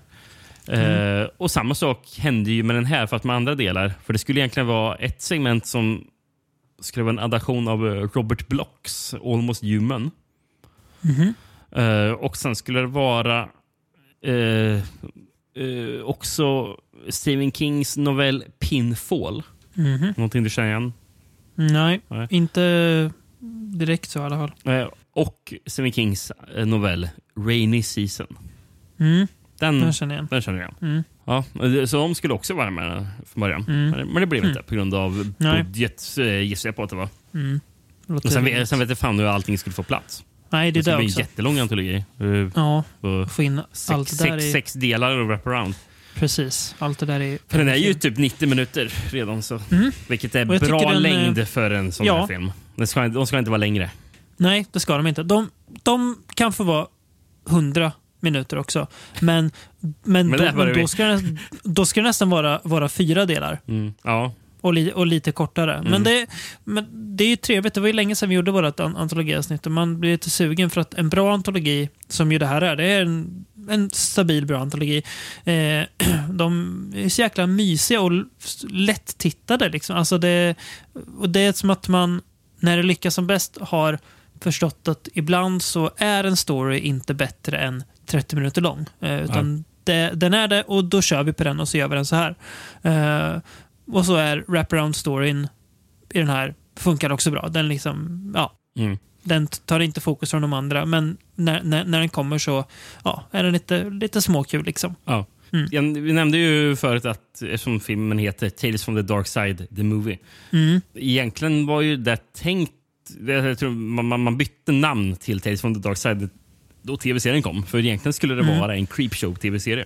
Mm. Jag vet inte om tv-bolaget de tyckte, tyckte att nej, vi döper dem till något annat. okej. Så då blir det Tales from the Dark Side. Mm. Eh, och sen så, jag nämnde att några skådespelare hade varit med eh, Mm. i den också. I, i Tales from the Dark Side tv-serien har William Hickey uh, varit med och Christian Slater Mhm. var med där. Och Deb- Debbie Harry. Också Mm. Debbie med. Harry också. Mm, i ja. Och någon som har varit med i, i den, eh, eller varit del, jobbat med den, det är ju John Harrison som har regisserat hela den här antologin. Mm. Just det. Eh, för, han, och han, för han regisserade åtta avsnitt av Tales from the Dark Side-serien och skrev Mm. några avsnitt också. Och Han är, har ju en lång koppling till George Romero. Eh, så det är väl kanske därför han började jobba med, jobba med tv-serien, skulle jag gissa på. Mm. Och sen, sen kanske därför han fick in Romero här. Mm. också och skriva en del. Eh, för han eh, började väl med att han, att han spelade Sir Pellinor i Romeros Night Riders. Ehm, Eh, En film man heller inte har sett. Konstigt nog. nej, eh, faktiskt. Jag har bara... Är det, Sunkig jävla House of Horror-DVDn. ja, den har jag ju. Precis. Eller Horse Creek är det väl? ja, ja, precis. Men jag minns att man såg den på VHS i, eh, Mm. i Casablanca, videobutiken. Såg man Night Riders. Mm, det gjorde man. Coolt omslag på den ju. Ja, precis. Eh, sen blev han, ja, efter han var med i Night Riders så blev han också First Assistant Director för Creepshow och Day of the Dead. Mm. Ja, då var han ju såklart tight med Romero. Mm. Ja, precis. Och sen så nu, eh, Creepshow tv-serien eh, som finns på Shudder har han ju skrivit och regisserat avsnitt av också. Konstigt att man inte har sett den något. Det vet jag inte. Den, man, man liksom glömde att den kom. Jag, jag, har inte- jag, jag har inte hört någonting om hur den ska vara ens. Nej, jag, jag var inne och kollade lite nu på den. Den verkar ändå ha fått stabil. Ja. Men det är lite samma där, att man inte har sett eh, Jordan Peele Twilight Zone. Men den ska ju vara jättedålig vad jag har hört. Jaha, okej. Eh, Aj, aj då. Det, det, det är lite då- därför jag har skit i att kolla på den, för okej. att jag hör så mycket, mycket negativt om den. Överraskande nog, med, med tanke på vad han har lyckats med tre filmer. Så. Men Eh, han har inte re- regisserat något av serien va? Inte vad jag vet. Han är väl typ producent. Ja, bara. precis. Det är väl så. Ja.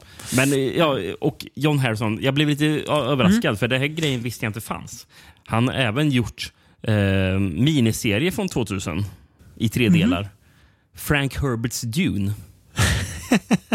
Jaså? Med Ja du, vilka, vilka kan vara med i den? Frank Herbert, det måste vi kolla upp faktiskt. kanske bättre än uh, Villeneuves Dune. Ja, det kan det vara. Han, han är faktiskt producent till eh, executive producer på Villeneuves Dune. Oj, jag var god. Fan vad härligt. Eh, huvudroll eh, som Duke Leto Atreides har vi William Hurt. Ja, det är bra. Det är ju ändå... Mm. Sen känner jag typ inte igen någon annan skådis när jag kollar snabbt. William Hurt kommer man långt med. Och han känner igen. Eh, Giancarlo Giannini. Mm. Eh, nej men, och sen gjorde han även en uppföljare, uppföljare miniserie som heter Children of Dune också. Mhm, mm. Jag hade ingen aning om att den ens fanns. Eh, Nej, inte jag heller. Jag visste bara att uh, Lynch, Lynch-filmen och den, och den nya. Men inte den. precis. Sista grejen jag vill ta upp på filmen. Den har ju fem personer som har jobbat med soundtrack. Mm. Eh, förmodligen för att det, de har jobbat för, på olika delar. Då. Men Mm. jag ser inte vilka delar de ans- har ansvar för, så jag drar alla. John Mm. Harrison själv Mhm. dyker ju först upp. Eh, för Mm. Han spelar, spelar bas och massor med instrument. Så mm. Mm. Jag tror han jobbat mycket som musiker också. Eh, och Han har även gjort soundtracket till Day of the Dead Mm. och Creepshow. Coolt. Och Creepshow, ja. Och sen har vi någon tjomme som heter Chas Yankel som jag inte hittar någonting om. Ehm, sen har vi Donald Rubinstein som gjort soundtracket Mm. till fyra filmer. Vilket är den här, Martin, Night Riders och Bruiser. Fina Bruiser. Oväntat att de dök ut- kom tillbaka till Bruiser där. Och sen har vi två killar som har jobbat på samma grejer. Eh, Jim Mm. Mancy och Pat Regan. Eh, de gillade att jobba med uppföljare ser jag. För vi har, eller de har inte riktigt jobbat på samma grejer, men vi har Jim Mancy jobbat på Texas Chainsaw Massacre 3, Mm. Night of the Demons 2, Pumpkinhead 2 och Stepfather 2. Och han den där Pat Regan gjorde till Texas Chainsaw, Chainsaw Massacre 3 också. Stepfather 2 Mm. och Stepfather 3. Det, är, det, är det den där en an, a- Anna skådis och man, man förklarar med att han har plastikopererat sig för mig? Ja, det är klart. Det, det, det, det är en bra förklaring till varför man har bytt jag, skådis. gillar, jag gillar ändå det. Nej, men det, det, det är egentligen samma, men han är plastikopererad. Okej, Att man, att man känner att man nödvändigtvis behöver förklara varför det är en annan skådis. precis. Bara, kan vi inte bara låtsas som att det inte, att det är någon annan istället? Exakt. Nej, vi måste, vi måste förklara det. Ja, på tal, vi har pratat mycket om George Romero eh, och mer ska det ju bli i nästa film då, eh, från 1993 Mm. som heter The Dark Half. Thad Beaumont has a secret. I know all about it. A piece of himself he keeps hidden, You just don't want to give up George. You become attached to him. locked away until he needs it. These behaviors could be interpreted as schizophrenia. Away from the light, safe in the shadows. I wrote those words, and I have no recollection of doing it. But sometimes secrets take on a life of their own. Thad Beaumont thought he didn't need George Stark anymore. The American way of death. That's it. He served his purpose. Time to lay him to rest. But George is not about to go quietly. Based upon a book by Stephen King comes George A. Romero's masterful vision of a nightmare come true. Are you ready? Just waiting on you. The Dark Half. Du kommer väl ihåg vad den här romanen hette som garanterat stod i både dina och mina föräldrars bokhyllor? Vitt om, om, omslag, svart text. Oh, nej. Och man, som unge läste man ju såklart titeln på svenska. Den hette ju Stark, eller Stark då, men Stark Jaha, läste man ja, det som. nej, det visste jag inte att den hette. Eh, för, min- för min morsa hade ju väldigt många eh, Stephen King-böcker som stod i hyllan Mm. Exakt. där. Eh, där. Där har jag någon gång eh, vågade till och med att plocka, plocka fram djurkyrkogården och läsa. Mm. Till, uh, det var otäckt var det. Eh, Mm, jag förstår. men, jag hade, men hon hade inte Stark, eller Stark, då, Nej. den, den mörka halvan. The Dark Half. Som, som väl är org, or, or, originaltiteln på eh, boken också, va? Eller? Ja, precis. Det är det. Ja, ja Eh. just, det. jo, så här, var om, om, så här var omslaget. Vet du. Läste man det i farsans bok. Mhm, ja, den, den, Stark. den känner jag inte igen. Den har jag Nej. missat. Mm. Eh, Snyggt- bo- boken, snyggt omslag. boken gavs ut eh, 89. Mm. Och eh, 89, ja, den var second best selling book of 89 också. Mm. Eh, nummer ett, det var Clear and Present Danger av ingen mindre än Tom Clancy. Oh. Men du, du hade ju kunnat, räkna ut att det var Tom Clancy på, på titeln. Clear and Present Danger. Japp. Men eh, all, andra titlar har bara tre stycken. Grekland, Det mörka egot. Mm. Ungern, En dödlig skugga. Mm. Och Tyskland, Stark. Eller Stark. Mm. Eller st stark. Stark. Precis. Stark. Die Grauens der Böse. ja. Och vi, och, vi, och vi kan gå direkt över till en finsk VHS då. Som heter Pimme Puoli. Som jag tror är mörka Mm. halvan. Varje person har en mörk sida. Någonstans djupt in i själen, bara väntar på det rätta ögonblicket. Den mörka sidan är baserad på boken med samma namn och skräckmästaren Stephen King. Det är en skrämmande berättelse om författaren Fad Beaumont som skriver brutala berättelser under pseudonymen George Stark. Böckerna säljer bra tills någon får reda på Fads dubbla roll. För att undvika utpressning bestämmer sig Fad för att begrava Stark och fortsätta skriva under sitt eget namn. Men orden som ritas på pappret är inte längre hans egna och pennan rör sig med kraft som inte går att kedja. Och Stark rest sig från sin grav för att kräva skadestånd. Hela slutformuleringen där. Också en finsk VS där som är sam sammanhängande och fullt begriplig. Ja, det var det faktiskt. Mm. Ja, nej, men det är, väl, det, det är ju där den handlar om. Eh, det ska ju tilläggas att vi får ju också en liten prequel. Eh, Ja, man får se att, eh, hon som ung. Ja, han drabbas ju av eh, väldigt starka syner. Eh, eh, men, men också typ av alltså han får anfall. Och då märker de ju, eh, läkarna då, under en operation att i hans hjärna eh, så finns det rester kvar eh, av en tvilling då som aldrig utvecklades. Som var ganska långt gången med typ så tänder och sånt. Det är jätteäckligt när de beskriver Men det. upp, upp, öppnar de inte upp magen och ser ett öga? Jo, just det. Så är det också. Så det är väl Men de- tumören är? Eller där de tror Ja, men- tumören? Nej, men är det, är det inte hjärnan de kollar i? Nej, jag hade för mig att det var i magen. Ja, eh, de, de, jo, men då är det, de, de, de, de hittar ett öga i alla fall. Ja, i, Eh, någonstans ja. i kroppen de Ja, precis. Och det är eh, nasty. Men så, här, men eh, så blir han vuxen då, Thad, eller Thaddeus, som jag väl tror är hans hela namn. Mm, ja, där. Eh, och bestämmer sig för att bryta med Stark-pseudonymen och eh, skriva under sitt eget namn. Undrar var Stephen King kan ha hittat inspiration till det, tro?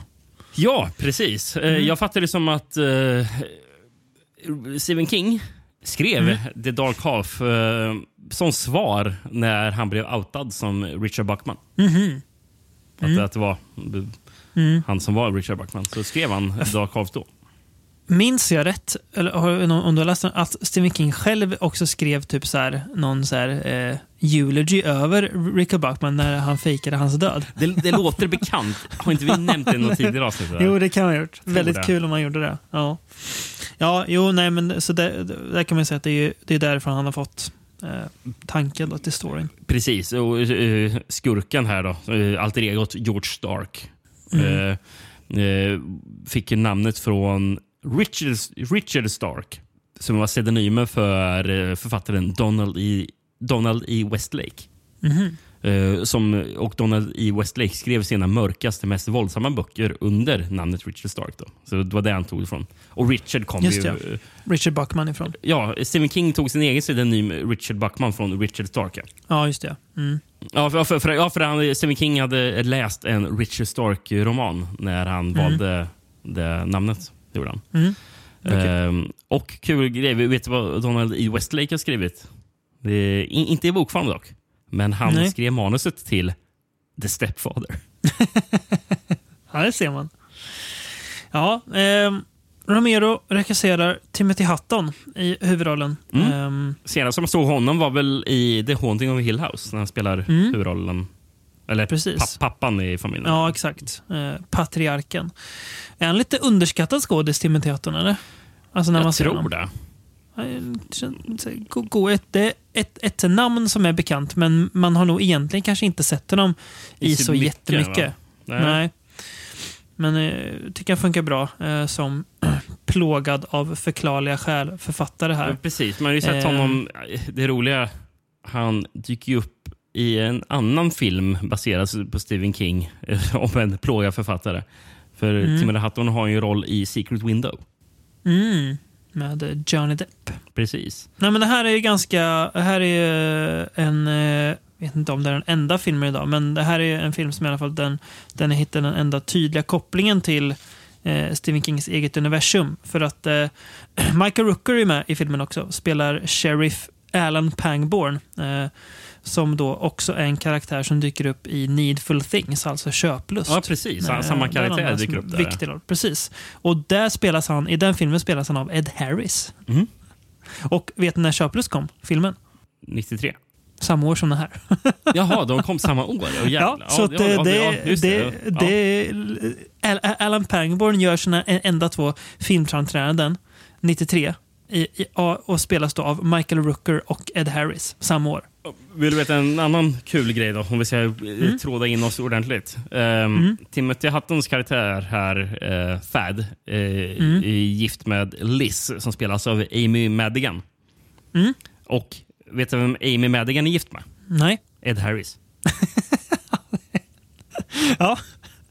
Alltså det är så cirklar som knyts hela, hela tiden. Det är intressant. Ja, nej men eh, det här, här är en bok jag inte har läst. Eh, har inte blivit så. Eh, så jag vet inte hur trogen den är eh, förlagan. Nej, jag har inte Men hört någonting ni- om det heller. Men det känns ju som jag att George Romero ville vara trogen sin polare Kings eh, roman. Det känns som det. Det tror jag också. Ja, och känslan jag får också är att det här är en story som passar bra för alltså att, att göra film av. Det, är- det, alltså, den, det, det är svårt att misslyckas jättemycket med den, för det är ingenting som blir fånigt på film. Alltså, förstå- alltså som i Children of the Corn är det lätt att, att gå vilse för att det är dumma inslag. The Mangler är så uppenbart lätt att gå vilse. De enda grejer jag skrattar till lite av i den här filmen, Mm. det är ju inte egentligen på grund av vad den handlar om, utan det är ju snarare Nej. hur det framställs. För den här Mm. filmen är extremt mycket 90-talaren. Jajamensan. Otroligt mycket 90-tal. Japp, japp. Så det, det, det hajar jag, till lite, Mm. men det är ing- ingenting som är negativt. Men Nej, det- det tycker man är- är jag, kul. Jag, jag fnissar lite ibland för apropå hur mycket 90-tal det är. Eh, Min enda invändning, och det är ändå en ganska eh, viktig invändning, det är att jag förstår att Romero vill göra eh, sin polare King eh, en trogen adaption av, av eh, boken. Men jag känner samtidigt också att den här filmen, den behöver inte vara riktigt två timmar lång. Nej, den är ju- den, den, den blir för lång. Den, blir, den är kanske en kvart för lång. För den, Eh, den sånt. eh, upprepar sig själv rätt så mycket. Ja, eh, det finns delar som ja, det, här, alltså, det här är redan sagt lite grann. Mm. Det finns jättebra delar också. Jag tycker att grundstoryn och idén funkar väldigt bra. Jag tycker slutdelarna är bra när eh, han, spoiler alert, möter då George Stark. Mm. Eh, när två faktiskt möts. För ma- i början, filmen ville, ville få en att tro att, såklart, och det är där Michael Rookers karaktär tror då, också att det är ju egentligen eh, Thad som har blivit galen. Och det är ju fullt rimligt att Fast det är ju också väldigt lång tid Michael Rooker konstigt nog ändå väljer att tro på Fad. Bara, oh, men det, är, Mm. det är nog någon copycat Mm, eller någon sån bara. Japp. Och, och jag tänker bara, hur dålig polis är du? Mm. Men, men sen visar det sig att han skulle lita på sin, instinkterna. Mm, men, det skulle han ha gjort. men, men, Men, men, ja. men, men, men, jag började till och med så här, heja på polisen och och så vill att Mm. polisen ska haffa eh, huvudrollen. Mm. För jag Precis, tycker att det det- känns så uppenbart. Men så. Mm. Ja, det ju, ni, ni har ju svaret här. Mm. Eh, det finns en, vet, det var en detalj i filmen som jag reagerar på lite grann. Eh, i, I slutet av filmen när Thad och George sitter mitt emot varandra och eh, skriver. Mm. Eh, så tänkte du på att de skriver med olika händer? Att Thad är högerhänt och George Stark är vänsterhänt. Hade ingen tanke på det, men det är ju, det är ju snyggt. Ja, men lite så att det verkligen är den Andra mörka halvan. halvan, Ja. skriver med. Precis. Det är så liten grej, men jag tyckte ja, det var lite kul att reagera på det. Eh, sen lite kul att George Stark ser ut som någon, han, jag, jag tänker att han ser väl ut lite grann som kanske Stephen King tänkte att Randall Flagg skulle ha sett ut kanske i The Stand. Eh, jag- jag- Eh. Det, det där jag undrar, eh, är det så Stephen King eh, tänkte sig att Richard Bachman såg ut? Ja, det kan det också vara kanske. Han så här lite ja, men, rockabilly-aktig. Eh, Han är också väldigt så här, ser ut som en så här hårdkokt noir. ja, det Karaktär. också. Eh. Som går runt och, och, och svär och är liksom jävlig. Eller, och, eller så som en noir karaktär såg ut 1990. exakt, Det, precis. det, det är inte liksom... Det, det är inte Humphrey Bogart. jag Nej, precis. det, liksom. Det är det inte. Men ja, jag håller med. Så det, ja. Nej, men, eh, an, i, förutom det att de- den är för lång så tycker jag att den, den funkar bra. Eh, tycker en, en stabil formatering. Sen är det väl så här, hur mycket Romero är den? Ja, det är väl... Ja, det Kanske är inte- jag svårt så här- att eh, skilja. Det, det är det här, jag visste att det var George Romero, fast det är en film Mm. som har varit den där som bara... Just det, det här är en Romero-film. Varje gång man Mm. ser den nämnas. Det är Eh, inget som, som tydligt, men, men det är heller inget som tydligt sy, syns när man, när man ser filmen. nej. Men det är väl ett eh, gediget regijobb. Vad, vad sen är det, det beror kanske lite också på att för det här var väl en av få eh, mer stor studioproduktioner av eh, Mm. Romero som han trivdes ju mest att göra lågbudgetfilm. Exakt. Jag vet han gjorde väl, han gjorde väl knappt några.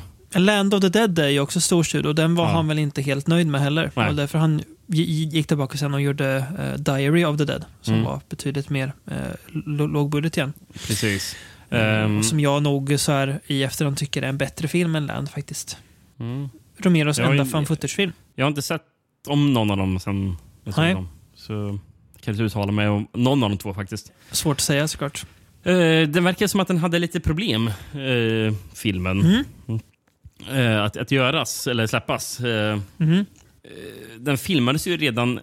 Uh, började filmas redan oktober 1990 Mhm. till eh, mars 91. Eh, Mm. Men sen släpptes den inte på två år, två år för att eh, Orion Pictures hade en väldigt eh, tung finansiell situation. Mm. Ehm, så ja, det drö- dröjde två år eh, från att den var inspelad till den släpptes. Och då så... Den hade en budget på 15 miljoner och spelade in 10 miljoner i USA. Mm. Inte så bra, såklart. Det är verkligen inte. Sen läste jag att, apropå att vi nämnde att King för Maximum Overdrive var coked out of his mind. Eh, The Dark Half var den sista romanen King skrev innan han blev helt eh, nykter. Mhm. Mm. Och det är väl någonting som hela boken, som även man ser, eller jag antar det är i boken, för man ser det lite i filmen. För han pratar Mm. om hur, att han har haft alkoholproblem. Precis. Eh, och och eh, Stark är, är, är väl en suput som utan dess Mm. like är han väl. Eh, som Precis. är hans eh, Fads egna mörka sida då. ja, är bland annat med då alkohol. Al- alkoholismen, ja. Precis. Dualitet där.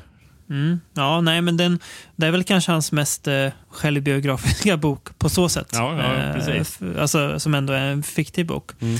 Jag, blir, jag blir sugen på att läsa den, för jag kan tänka mig att den funkar bra i bokform och då Ja, inte det- känns... För ingen är ju, är ju så bra på att, att skriva böcker som i, egentligen är för långa, men aldrig känns för långa, som eh, Stephen King är. Ja. Apropå det som vi nämnde att eh, karaktärer hade varit med i olika filmer och Mm. sådär. Men Mm. sa ju att Timothy Hutton eh, var ju med i The Haunting of Hill House. Sen Mm. har- vi ju en karaktär han tar hjälp av för hon...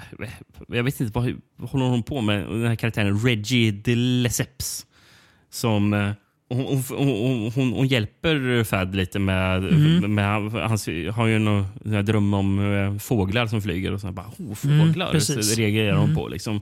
Så hon, hon, hon, hon hjälper honom liksom, Mm. undersöka vad, vad som händer. Vad det där kan betyda så också. Och Hon spelas Mm. ju av Julie Harris och hon är ju huvudrollen till The Haunting. 60 Jaha, det är hon alltså. Ja, Okej. Så det var en koppling mellan dem där.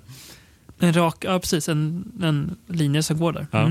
Mm. någonting som jag tycker att pratar om, ja, men det fungerar ju rätt så bra som film det här och man kan tänka sig ja, det- kan nog fungera ännu bättre som bok. Men ett sånt här mysterie, vet du vad jag tror det fungerar eh, bra, för, från, eller, eh, bra som, i alla fall konceptuellt. Nej. Jag har inte testat det, men idémässigt så låter det lovande.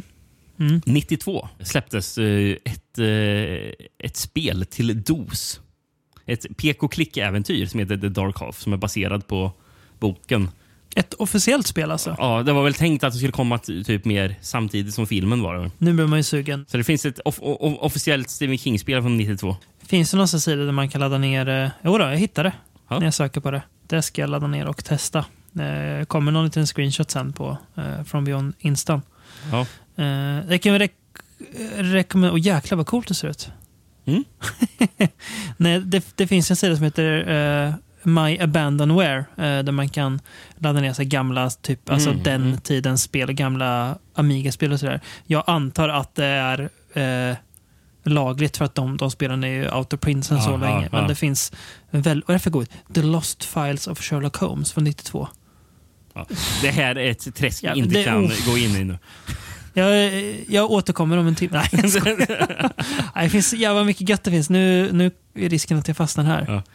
Uh, nej, men apropå spel och eh, The Dark Half, eh, eller koppling till Dark Half, är ju att i det här spelet Alan Wake som kom för ett gäng år sedan, eh, så är det ju någon mardrömssekvens. Mm, Stephen King-inspirerat kan jag säga. Eh, väldigt bra spel också, men ja, förlåt. Mardrömssekvens. Ja, det är någon mardrömssekvens i början då Mm. huvudkaraktären Alan Wake blir jagad av en liftare som är en Mm. ja, karaktär som han har dödat av i en av sina böcker. Mm. Och Det är väl lite Mm. på samma sätt som man tänker döda av eh, Mm. George Stark här. Då. Exakt. Så det ser man också en kop eh, koppling till den här Mm. eh, filmen och boken. Då. Ja, ehm, Ska vi gå, återgå till en bok vi redan pratat om? Eller en novell vi Ja. redan pratat om? precis. Eh, åka vidare i en lastbil till filmen Trucks som då bygger på hans novell Trucks. From the short story by Stephen King, Trimark Pictures invites you to buckle up. You are now entering a town called Lunar, where something strange is going on. A mysterious force has taken hold, These trucks appear to have an intelligence. They're talking to each other. They're up to something. and the traffic is way out of control. Trucks. A thriller without brakes. Starring Timothy Busfield. Eh, 97 kommer denna film ifrån. Eh, Gjord för tv. mm, det syns, eh, får man Ja, säga. delvis. Eh, kan ju återkomma till det. Men eh, ja, Mm. eh, 29 oktober 97 på USA Network. Kän, det känns som en, en, TV, en tv-kanal vi har nämnt förut. Ja, jag är lite ja, osäker.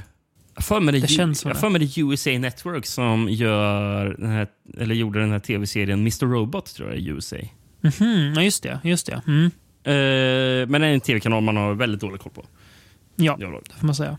Eh, Trucks eh, 97 hade Mm. en titel i Brasilien. Lastbilar, terrorens tåg.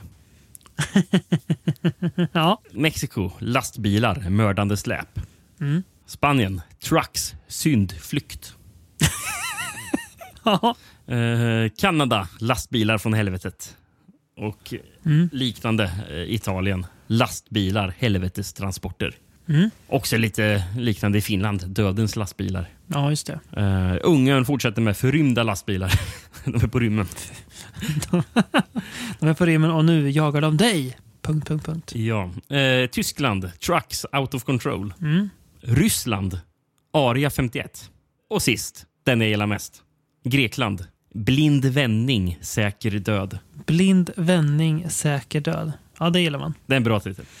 Det är en mycket bra titel. Och kul nog så har vi faktiskt en, en svensk VHS på den här. Mhm. Utgiven av Scambox. Mm. Gick att hyra, eller nej, det, det är väl köppriset. Eh, videohallen för 29 kronor.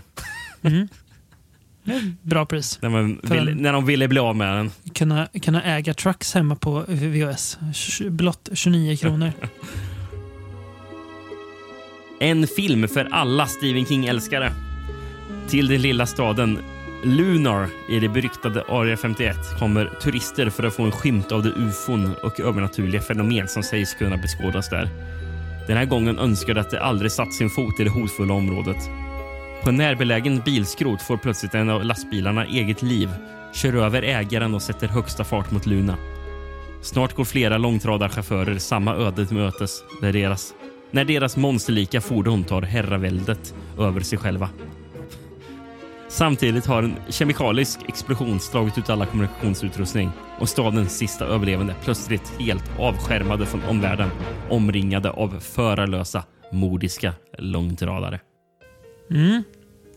Mm. Ja, precis. Det jag undrar när jag ser den här filmen är ju hur kom man på att man skulle göra en ny filmatisering av just den här Stephen King-novellen bara 11 år efter Maximum Overdrive. Som ju de- de- dessutom inte hade gått så bra, varken hos kritiker eller bi- biopubliken. Då gör, då vi gör en film på samma story, men med mycket lägre budget och inte alls samma liksom eh, star quality som den filmen hade. Visst, vi har ju Timothy Busfield här som vi har sett i Strays och vi har ju Brenda Backey som också är med i Death Spa och absolut, Aidan Devine från Wolf Cop dyker upp här. Men jag, jag, jag, jag tror du ska säga Brendan Fletcher som spelar huvudrollen i Uwe Bolls Rampage-trilogi. Det är han som är, son, det är han som är sonen här i ja, eh, just filmen. det. Hade, det hade jag lika gärna kunnat sagt. Vilket jag blev överraskad av. Hur fan kan den här hemska filmen Rampage från 2009 ha två uppföljare?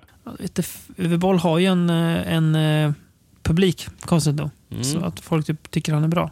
Jag förstår, det. jag förstår, jag förstår det inte heller. Rampage Capital Punishment från 2014 och från 2016 Rampage President Down. President, fy fan. Man hör ju att det är skit. Ja, men det, det låter som att ska, hade, hade den där första, den där typ Olympus has fallen eller någonting kommit precis då? Mm. Det måste ju vara det. Jo, det måste jag precis att det att det där, därifrån det, det kommer jag. Ja, den kom ju 2013 så det måste ju vara Mm. tagen rakt från det där. Mm. Ja, du nämnde Br- Br- Brenda Backe. Eh, Mm. Hon är ju jättetråkig i den här filmen. Eh, helt Mm. saknad, sa- avsaknad av karisma. Eh, I alla fall i den här Japp. rollen. Jag, jag har lite dålig Japp. koll på henne överhuvudtaget. Jag har inte sett Death Spa. Det var på tok för långa, många år sedan jag såg Hot Shots, Hot Shots Part 2 och, Hot shorts. och Under belägring Ja, 2. förlåt. Som de stoltserar Mm. på baksidan av den här VHSen med att Brenda Backe från Under belägring 2. Att hon är med i den också, ja. Mm. Något att, Ja, det, står, att så, det, det. står också att eh, hon är med i LA Confidential, men jag, jag, jag reagerar ju på Under belägring 2. Det är klart man gör. Ja, det är, det är så svårt att säga så mycket mer om den här. Jag, Alltså, alltså, det här är ju exakt samma film, fast du tagit Mm. bort... ehm, du har tagit det är bort, liksom eh, roliga och alltså, goa. Ja, du tagit bort det roliga. Det har du gjort. Eh, Mm. Alltså, det, alltså, alltså det som gjorde den förra filmen så fartfylld och eh, spännande. Mm. och så.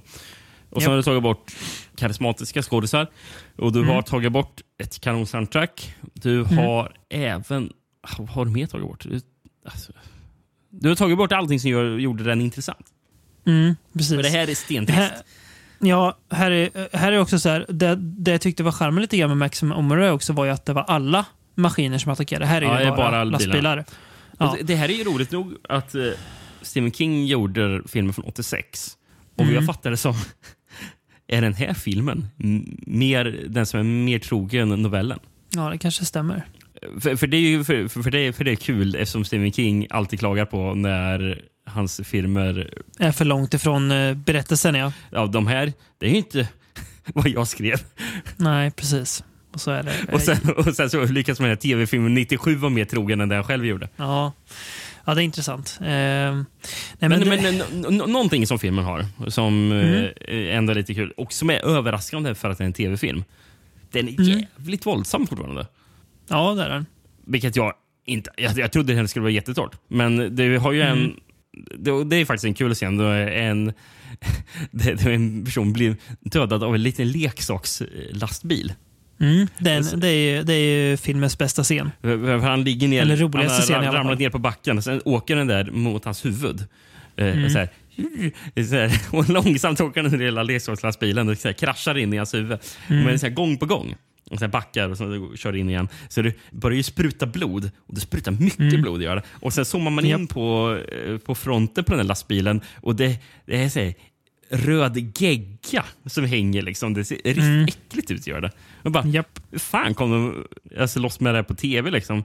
Jaha, eh, för när jag sett de andra tv-filmerna, eh, de brukar ju ha lite naket, de som var Mm. på så här Showtime och sånt där. Men Skinemax.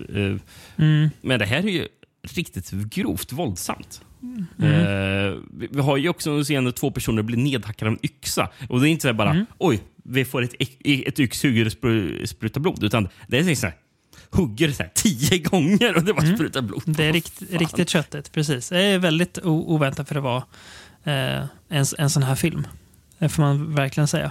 Eh, men annars... Men det var ju typ det enda positiva jag kunde säga också. Ja, Eh. den är... Det, den blir ju som du säger en så urvattnad version bara av Maximum Overdrive. Det är kanske dumt också att vi la båda dem i samma podd. Eh, men Ja, men det är nog passande att vi gjorde det, så man kunde jämföra dem med varandra. exakt. Ja, nej, jag, jag, jag ty- tyckte den var ganska lätt att glömma bort eh, ganska fort. Eh, be med mig mer av Maximum Overdrive eh, av många för förklarliga skäl. Mm. Känns, känns det som att Stephen King inte vet att den här finns eh, eller åtmi- åtminstone inte visste att den gjordes när eh, den var på gång. Eh, han har väl säkert fått no några slags royalties för den här också men ja, det känns som en film han inte hade så bra koll på att den kom annars. Och det Mm. kan jag väl förstå. Ja. Nej, jag vet, jag vet inte liksom inte vad, vad ska man säga om Trucks från 97. Alltså, jag Eh, känner, det händer ju ingenting. Nej, Till, till största del, alltså. Förutom de få grejerna jag nämnde.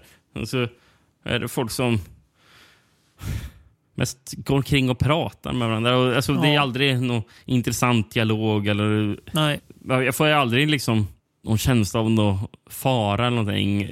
Nej, Alltså, inte där visst, heller. det är ju farligt med lastbilarna, de förarlösa lastbilarna som kör omkring. Men jag det känns aldrig- inte farligt som i, i samma sätt som i uh, Maximum Overdrive. Det gör det verkligen inte. Nej. Ehm, soundtrack eh, jag tyckte det var en kul bara nämna. Michael Richard Plowman. Uh, Plowman. nästan bara gjort eh, antingen direkt till video-action, mycket Mm. Steven Seagal-film på 2010-talet.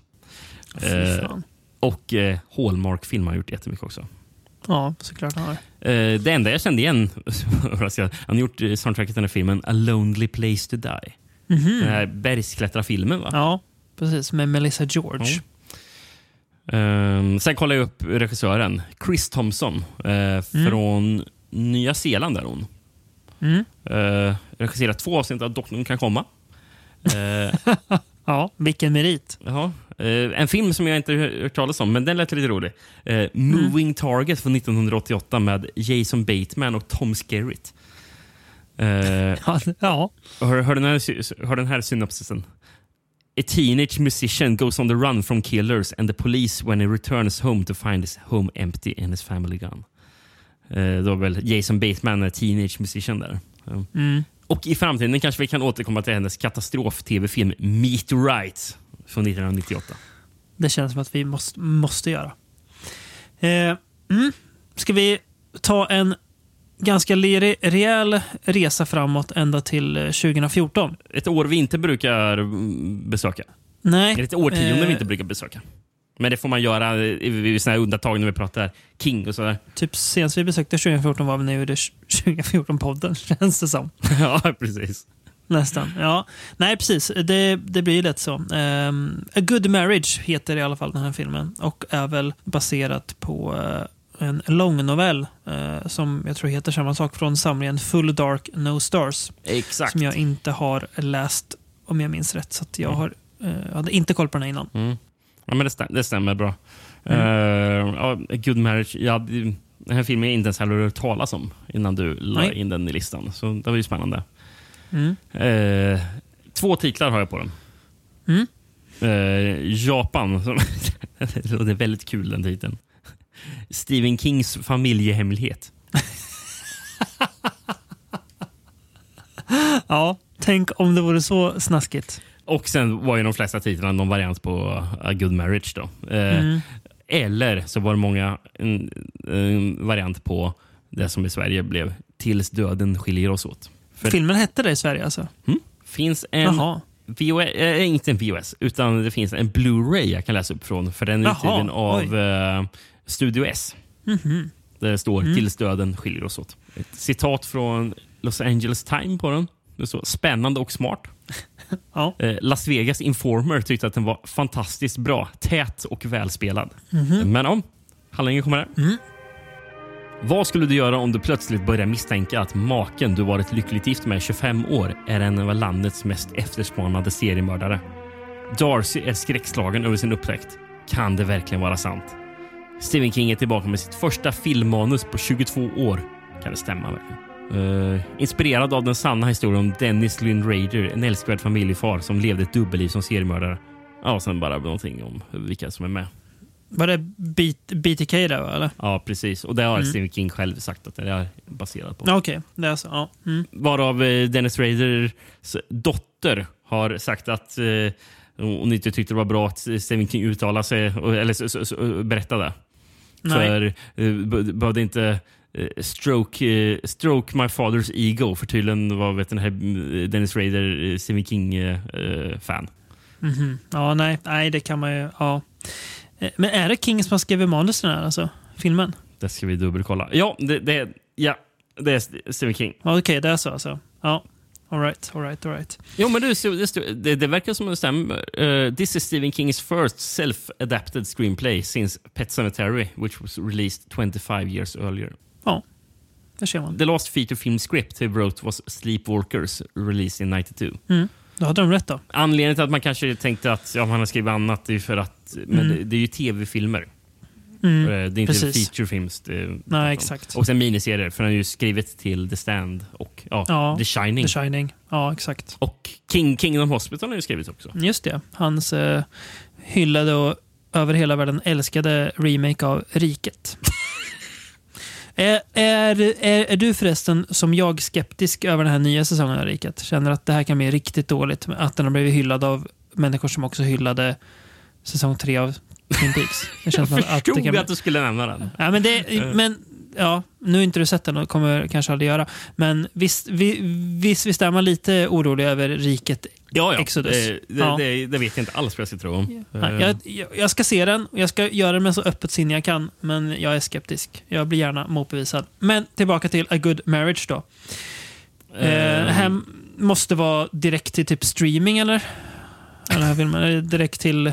ja, det kan inte vara Ja, till DVD. bio i alla fall. Där, va? Det känns Nej, för den har ju den där känslan av eh, lite så film, film i mängden. Ja, fast det måste ju vara lite bio, för annars om det var första feature Ja, just det. Ja. Ja, jäklar vad det inte känns som det. Alltså. Alltså jag kollar här. Den hade biopremiär, eh, ja, nej, limited, så det var väl inte så Mm, men ändå. stor premiär. Ja, i USA 3 oktober 2014. Det känns det verkligen in, inte som. Nej, det här känns direkt till ja, streaming. Ehm, Ja, det- Den känns ju ganska... Den ser ju ganska billig ut också. och Har lite, nästan lite så här...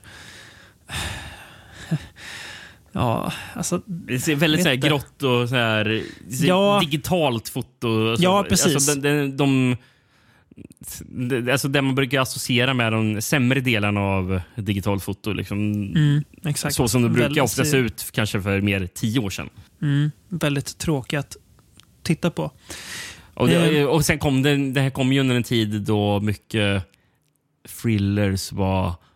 Allting skulle vara så här blågrönt. Och, Mm. Den är väl inte riktigt i den färgskalan, men det ändå går åt det hållet. Förmodligen för att man Mm, ska gör den. känna det här. Och det är, jag, jag, jag antar att fotot är tänkt att det ska vara så för att man ska känna henne som huvudkaraktär. Mm. någonting.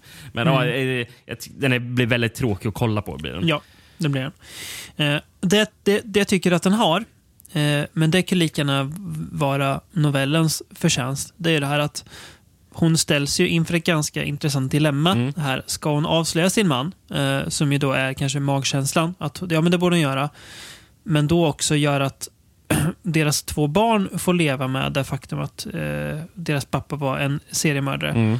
Eh, som han ju då, det är ju det, det, det, är det han säger. Ska du förstöra hela våra liv med att, att säga det? Eh, eller ska du hålla tyst så kan jag sluta eh, med det här. Mm. Eh, så den, den delen tycker jag är bra. Så det, finns ju så här en bra grundstory här. Men jag tror att den här gör sig mycket bättre i, i novellformat. Eh, Ja, det, det, det tror jag verkligen. Eh, Ja, precis. För det här borde inte vara en långfilm heller.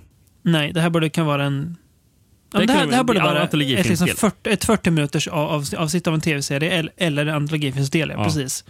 Eh, att hon upptäcker det, konfronterar honom, lever med det en kort stund och sen ja, vänder det. Och Eh, skulle man göra det till en långfilm så skulle man ju ta, mer ta vara på det som jag tyckte var de bästa delarna i filmen. Mm. Eh, för, för, för det var ändå en bit in som jag tyckte, "Så dåligt är det inte som jag hade fått för mig att det skulle vara. För det fanns ändå en lite intressanta grejer. Och det är ju i början när hon är själv hemma och Mm. eh, börjar undersöka eh, sin, sin makes... Ja, för han, hon hittar ju massor med konstiga grejer i källaren. Liksom. Mm. Och sen börjar hon undersöka. Jag, jag, jag, hade man kunnat dra ut mer på det? För det, blir, för det här är ju bara avklarat på några minuter så har hon Mm. hittat. Jaha, Precis. min make är den där seriemördaren. Bara, ja, skulle, kunde man inte dra ut på det här istället så att det Mm. blir mer spännande? Och Mm. ja, att man också kan vara lite så här. Stämmer det här? Eh, Mm. så- Mm. Men nu, nu, nu blir det ju klart direkt att ja, Mm. det, det är han. Det, det stämmer. Så man tappar lite av det spänningsmomentet som det hade kunnat varit. Mm. Eh, som jag tyckte var intressant. Det, det, Mm. för, det är roligt, för jag läste ju först i efterhand det där som Stephen King hade sagt om att, var, att Mm. boken var inspirerad av ja, Dennis Rader BTK. Mm. För det tänkte jag på när jag, jag såg filmen först. För, för, Mm. eller jag tänkte att den här filmen påminner mycket om The Clovitch Killer Mm. som kom för några år sedan. Och den är ju Mm. också baserad på det. Mm. Så, för, så jag började jämföra filmen med The Clovitch Killer. Mm. Och The Clovitch Killer är så mycket bättre film. Här. Den är mycket bättre, ja. Och, och, Verkligen. där, och där drar de ju ut på mycket, mycket längre. Det, det Mm. här, för- För då är det ju istället sonen som mm, ser bara, ja, vem är min pappa egentligen? Som eh, jag trodde Mm. var världens bästa pappa. Typ. Mm. Eh, Nej, jag, håller, jag håller mm. med. Det blir, eh, det fun- den funkar mycket bättre. Den här blir ju för lång, för seg och det här... Alltså, det gör ju att det här fula fotot gör ju att eh, man tappar ju liksom mm, det här suget att titta på filmen. Det är ju, det, är, det kanske låter ytligt att säga, men det är något med det här fotot som är så himla avtändande på något Ja, vis. men det- alltså, det är så, ja, det är inte ett dugg kul Ja. att kolla på. nej, det är ju inte det. Den är ju fotad faktiskt, roligt nog, av eh, Frank DeMarco som även fotade eh, filmen Margin Call. Och Mm. Tänker jag på Margin Call så tror jag att den har lite Mm. liknande foto, men det passar Mm. till vad den filmen Mm. är. För någonting. Verkligen. Men eh, det, det största problemet med, med filmen är att den är oerhört seg. Mm.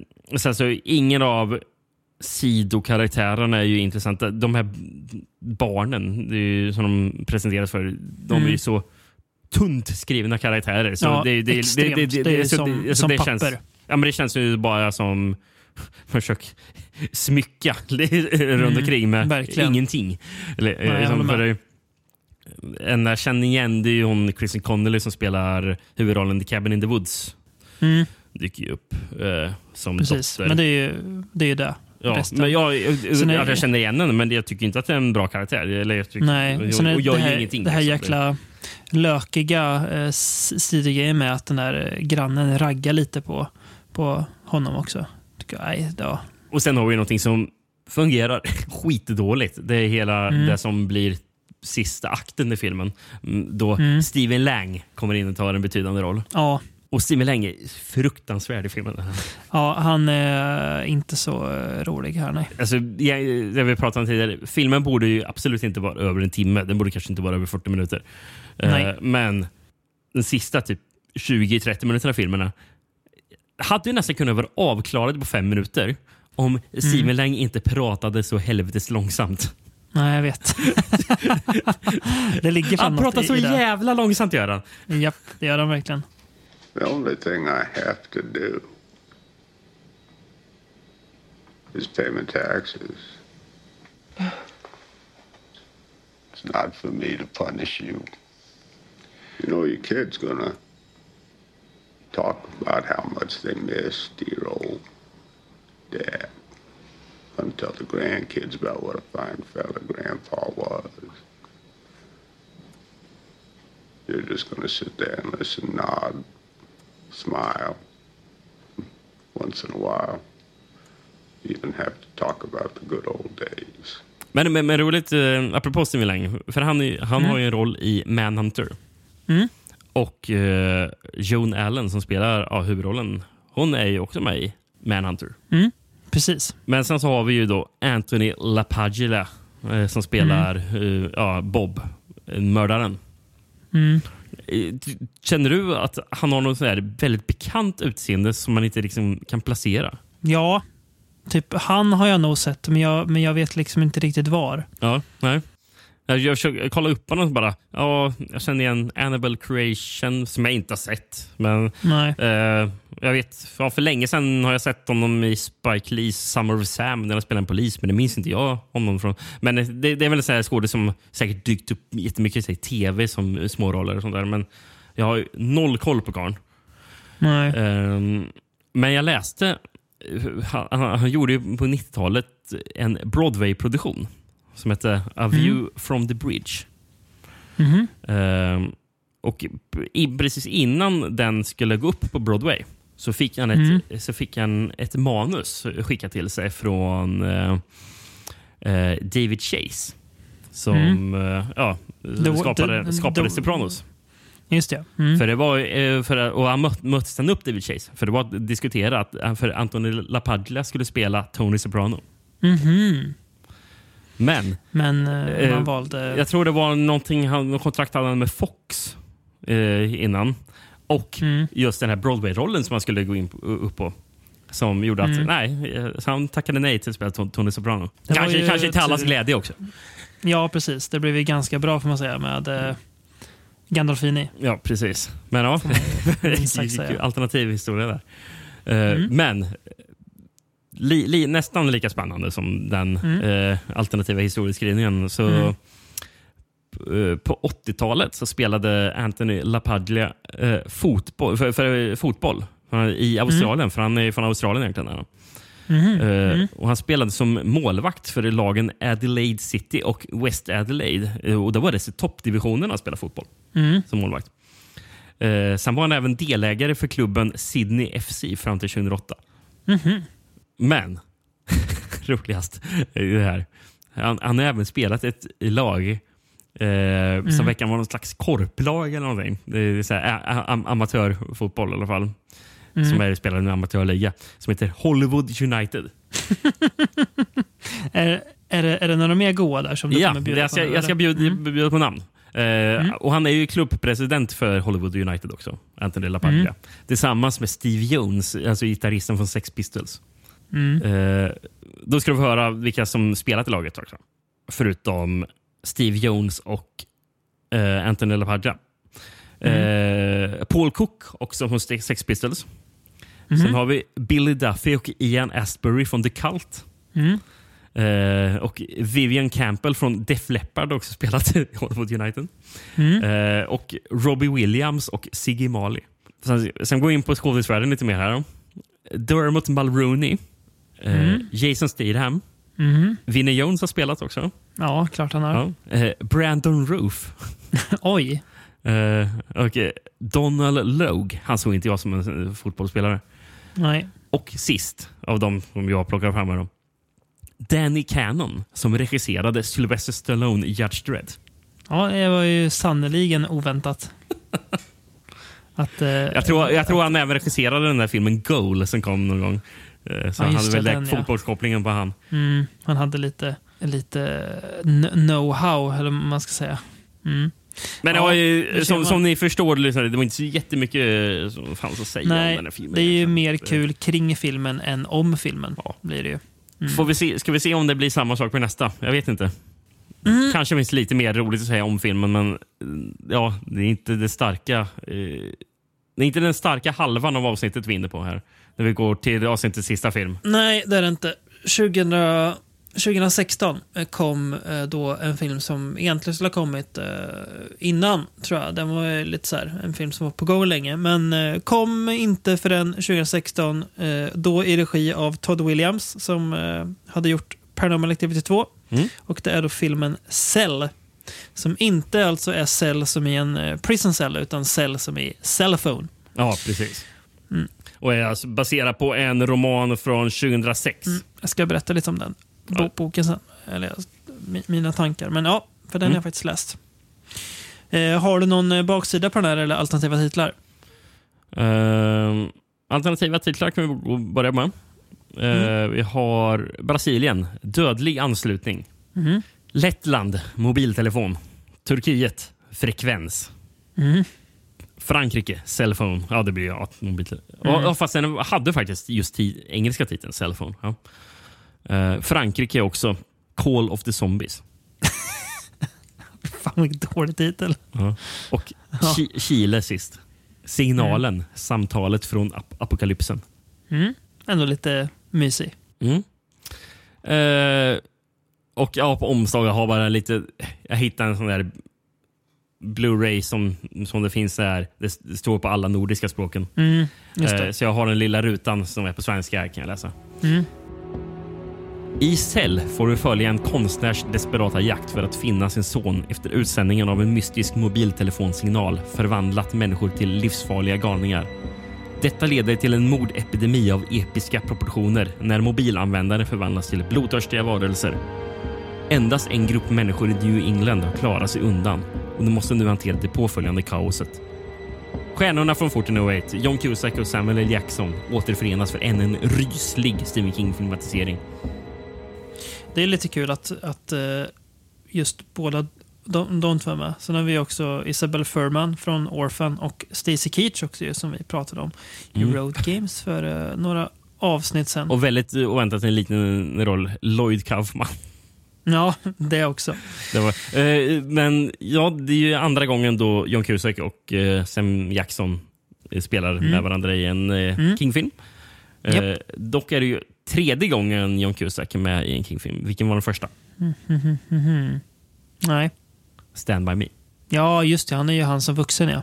Eller nej, han är en av, eh, han är en av tuffingarna, va? Kommer jag på. Är han det? Eh, jag kommer inte... Det var så länge sedan jag såg Stand By Me. För mig, han, han kan vara typ berättarens storebror som ändå är lite schysst. Jo, men det är ju han som, som sitter vid eh, mid, middagsbordet i början. ja. Just det, så är det. Mm. Just det, den har med ja. ja. Ja, och den är lite bättre än Cell ska sägas. Eh, Hans bok kom alltså 2006. Mm. Mm, Kom, kom inte The, The Signal 2006, den filmen? Jo, jag tror det. Handlar inte de typ om samma grej? Jag minns inte The Signal Jo, men då är det inte, ja, precis, men då är det inte mobiltelefoner på samma sätt. Det är väl någon annan signal. Ja, men, typ, men det är ja, väl ändå liknande. väldigt Ja, nej, men jo, jo, de är lika varandra. Ja, det är de. Ab- Jag, jag absolut. undrar vilken som var Eh, först, uh, The Signal eller mm. boken. Mm, bra fråga. Men jag kan säga att boken är ju inte en av Kings bästa. Eh, jag ska säga att det är en av Kings svagare eh, Okej. som jag har läst. Mm. Eh, lite så halvtrött mobilkritik från en, en gubbe som är rädd för telefoner, känns det lite som. Alltså så här, Okej, "Åh, ja. prata, te- prata inte i telefonen för då blir ni zombies. Hö, hö, hö." Mm. Och det är, ja. Ja. Så att det är ganska svårt, eh, svårt eh, källmaterial att göra en bra film av. Så jag är inte förvånad att, att filmen är som den är. Eh, men John, John Cusack i den här filmen, alltså, han ser så uppgiven ut. Han har, Det har- alltså, har- hans frisyr är uppgiven. Men har John Cusack sett annat än uppgiven ut de senaste tio åren? Nej, jag vet. Men det blir det som när man ser honom i en film faktiskt och inte bara på roliga filmaffischer man får skicka till sig. Så förstår man hur, hur, hur jävla trött han ser ut. Det roliga med John Cusack är nu, den typen av film han är med i, Mm. det är ju liksom det som Nicolas Cage var med i några år innan. Mm. Eh, Mm. Då han filmade jättemycket eh, Beachen i New Orleans. Det har ju Mm. Nicolas Cage typ slutat med. Ja. Eh, men, men, men, men, men det, det vad John Cusack med och, och det roliga är att de har typ samma frisyr på de här omslagen. Så Japp. det ser ut som att det är exakt samma filmer de, de kan ha gjort. Mm. Ja, men då, Nicolas Cage och den- gjorde typ Stolen av de här filmerna där nere. Exakt. Och den enda bra moderna filmen som Cusack var med i är väl kanske Frozen Ground, där han lustigt nog spelar mot Nicolas Cage. Ja, precis. Ja, det, det är nog den sista som jag såg som jag tyckte var bra. Ja, precis. Eh, för det här är ju det här är trött med. Jag, jag, jag skickade det, det, det till ett, ett sms, eh, sms att vänta bara till, till du ser John Cusack gå runt i med med sin mössa, det blir en diskussionspoäng i podden. Jag menar bara att det är, det är så dumt den här filmen, för att han, han, han ser så jävla Hans, alltså, hela hans uppsyn är bara trött. Det ser ut som att han, han klär sig så här privat också. Bara trött liksom. Och sen är det så dumt, nu kommer jag att spoila lite, men filmen slutar med typ en drömscen-ish-aktigt. Och då, där han då återförenas med, med sin son. Och då, då tänker han väl att ja, men då ska han se ut som han gör när han är som lyckligast. Nej, han har samma jävla kläder och samma jävla mössa på sig i också. Nej, han, har- nej, han har en- hoodie på sig där tror Ja, jag. just det, han har hoodie på sig då. Ja. Huvud han uppe. ser, ser ännu dummare ut. Ja, Jag, ser jag vet inte. Men, men åh, där, där lurade du mig lite. Eh, när, när du skrev innan att det skulle vara någonting med hans jäkla, eh, hur han såg ut.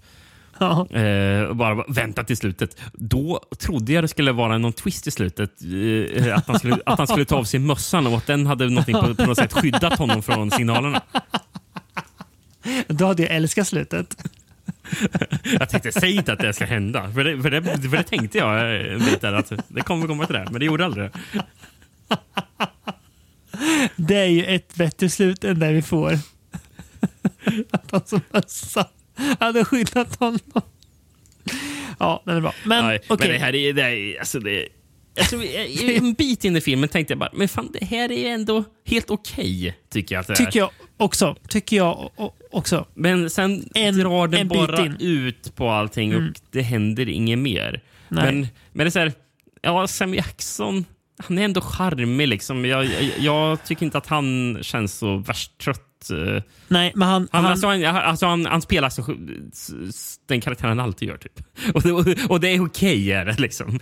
han är riktigt svag i den här barscenen när, när, när de är fulla. Jävlar vad han spelar över då. då är det. Ja. Men eh, ja. Ja, men det var Men- ingenting jag tänkte. Men, ja, men jag var ändå bara, ja, men det här är ju en okej zombie-aktig film. Liksom. Mm, Det är mm. lite... Lite så här, en, en 28 dagar senare klon typ känns det lite som också. Alltså att den vill vara. Ja, ja precis. Och, jag tycker att det fungerar, men sen ju längre vi kommer in och sen så är det, det är väl just de här sista kvart, 20 minuterna då Mm. John Cusack ska ge sig iväg eh, själv. Liksom. Det är ju då det blir Mm. riktigt för jävligt blir det. Ja, Eh. och segt. Och, och, och, och vi tyckte att, eh, vi tyckte att eh, A Good Marriage var ful. Det här är ju inte heller direkt jättevacker att titta på.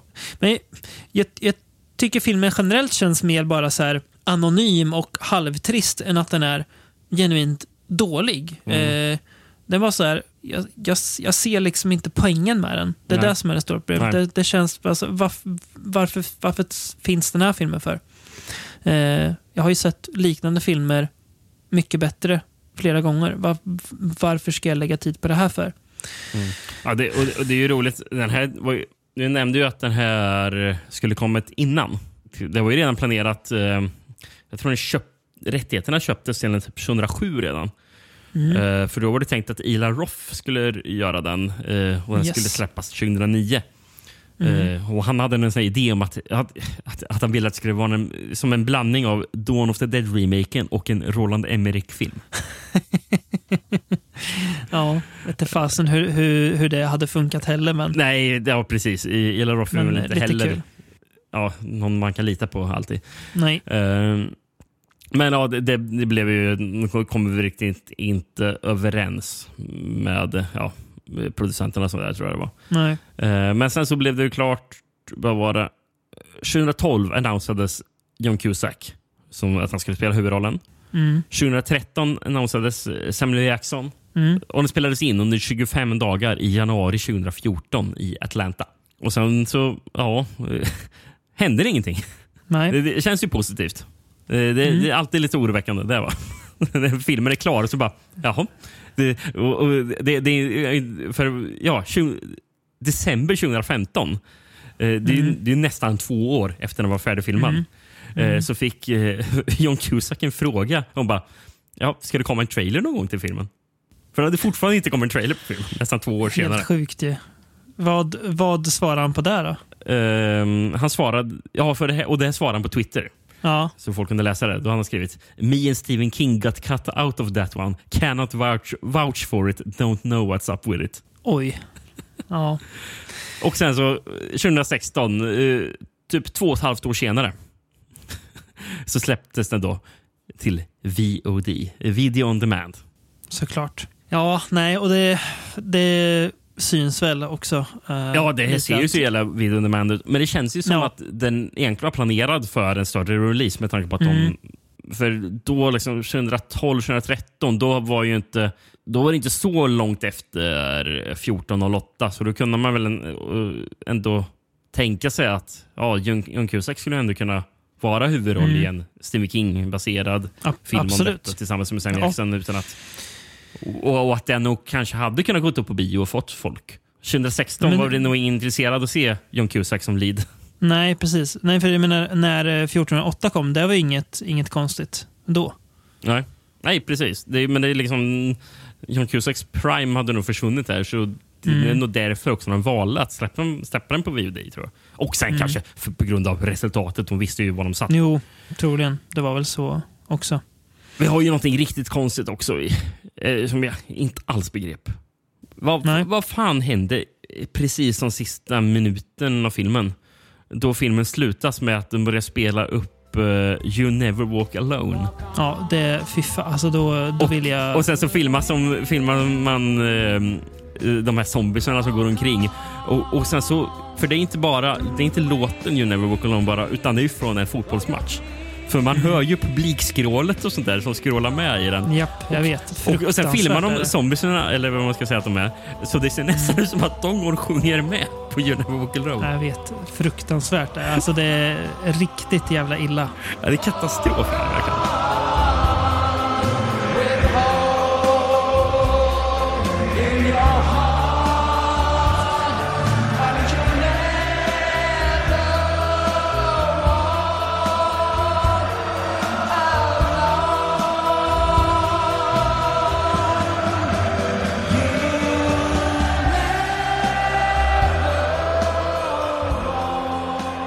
Då, då, då, var det ett ord man inte brukar använda av, e- av etiska skäl, men då, då var det faktiskt cringe.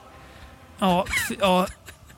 Ja, nej, då, då, då kände jag att det här, det här är de extremt snett på det, att, eh, att använda den här låten. Här, här, här vet de inte vad de, vad de håller på med. Det finns liksom ingen känsla alls. Ingen fingertoppskänsla överhuvudtaget för hur man ska kunna använda den här låten. För det är, ja, nej. Riktigt, riktigt, riktigt dumt och eh, som du sa, pinsamt så det sjunger om det alltså. Eh, Mm. Ja, nej, det gjorde, gjorde lite ont i en att se. Eh, får man säga. Men, eh, och det gör väl, alltså filmen mer och mer, ju längre den går, blir ju bara eh, mer och mer pinsam och slutar såklart så pinsamt som den bara kan göra. Mm. Så ja, nej, det slutar på en liten sour note det här avsnittet. men eh, som tur är så har vi pratat om en del eh, mysigt också ju, så att det är inte bara skräp, men eh, måste ju fin finnas det också när det finns så många King King-format-serier. Ja, det är oundvikligen att man landar där. Nej, men det blir så, precis. Ehm, mm. Kan vi che- checka av den från poddchecklistan också? Årliga Stephen King-avsnittet. Klart. Ehm, det börjar ju närma sig eh, slutet på året ju, Rickard. Mm. Eh, och med det vet man ju eh, också vad som kommer. Vi, tanken är att vi ska hinna med en podd till innan vi gör Innan års- summeringen, ja. Precis. Mm. Där vi ska prata om en grej som också är så här konstigt. Varför, hur kan vi inte ha pratat om det här innan? Alltså temamässigt eh, Ja, någonstans. precis. Vi pratar om filmer som rört, rört det, men inte gjort viktigt helt avsnitt till Nej. just det temat. Precis. Så det ska bli väldigt härligt. Men eh, för, ja, det tar vi helt enkelt då när det kommer. Men eh, ja, Cell alltså. Inte starkaste filmen i avsnittet. Nej, ja, jag fick en jävla flashback när, när zombierna går där och John Cusack ser ännu dummare ut. Och den där jävla låten spelas. Nej, det, är, Ja. det är nästan bland, bland det sämsta jag sett. Och det, då tänker jag så här, hur kan det här ha gått igenom? Ja. Hur kan ingen, ingen bara sagt stopp? ja, Då måste det vara en dåre som suttit där i klipprummet och tyckte att... det måste jag ha tänkt, ja, kolla vilken, vilk, vilka känslor jag fick till här. You never walk alone. Mm, visst du.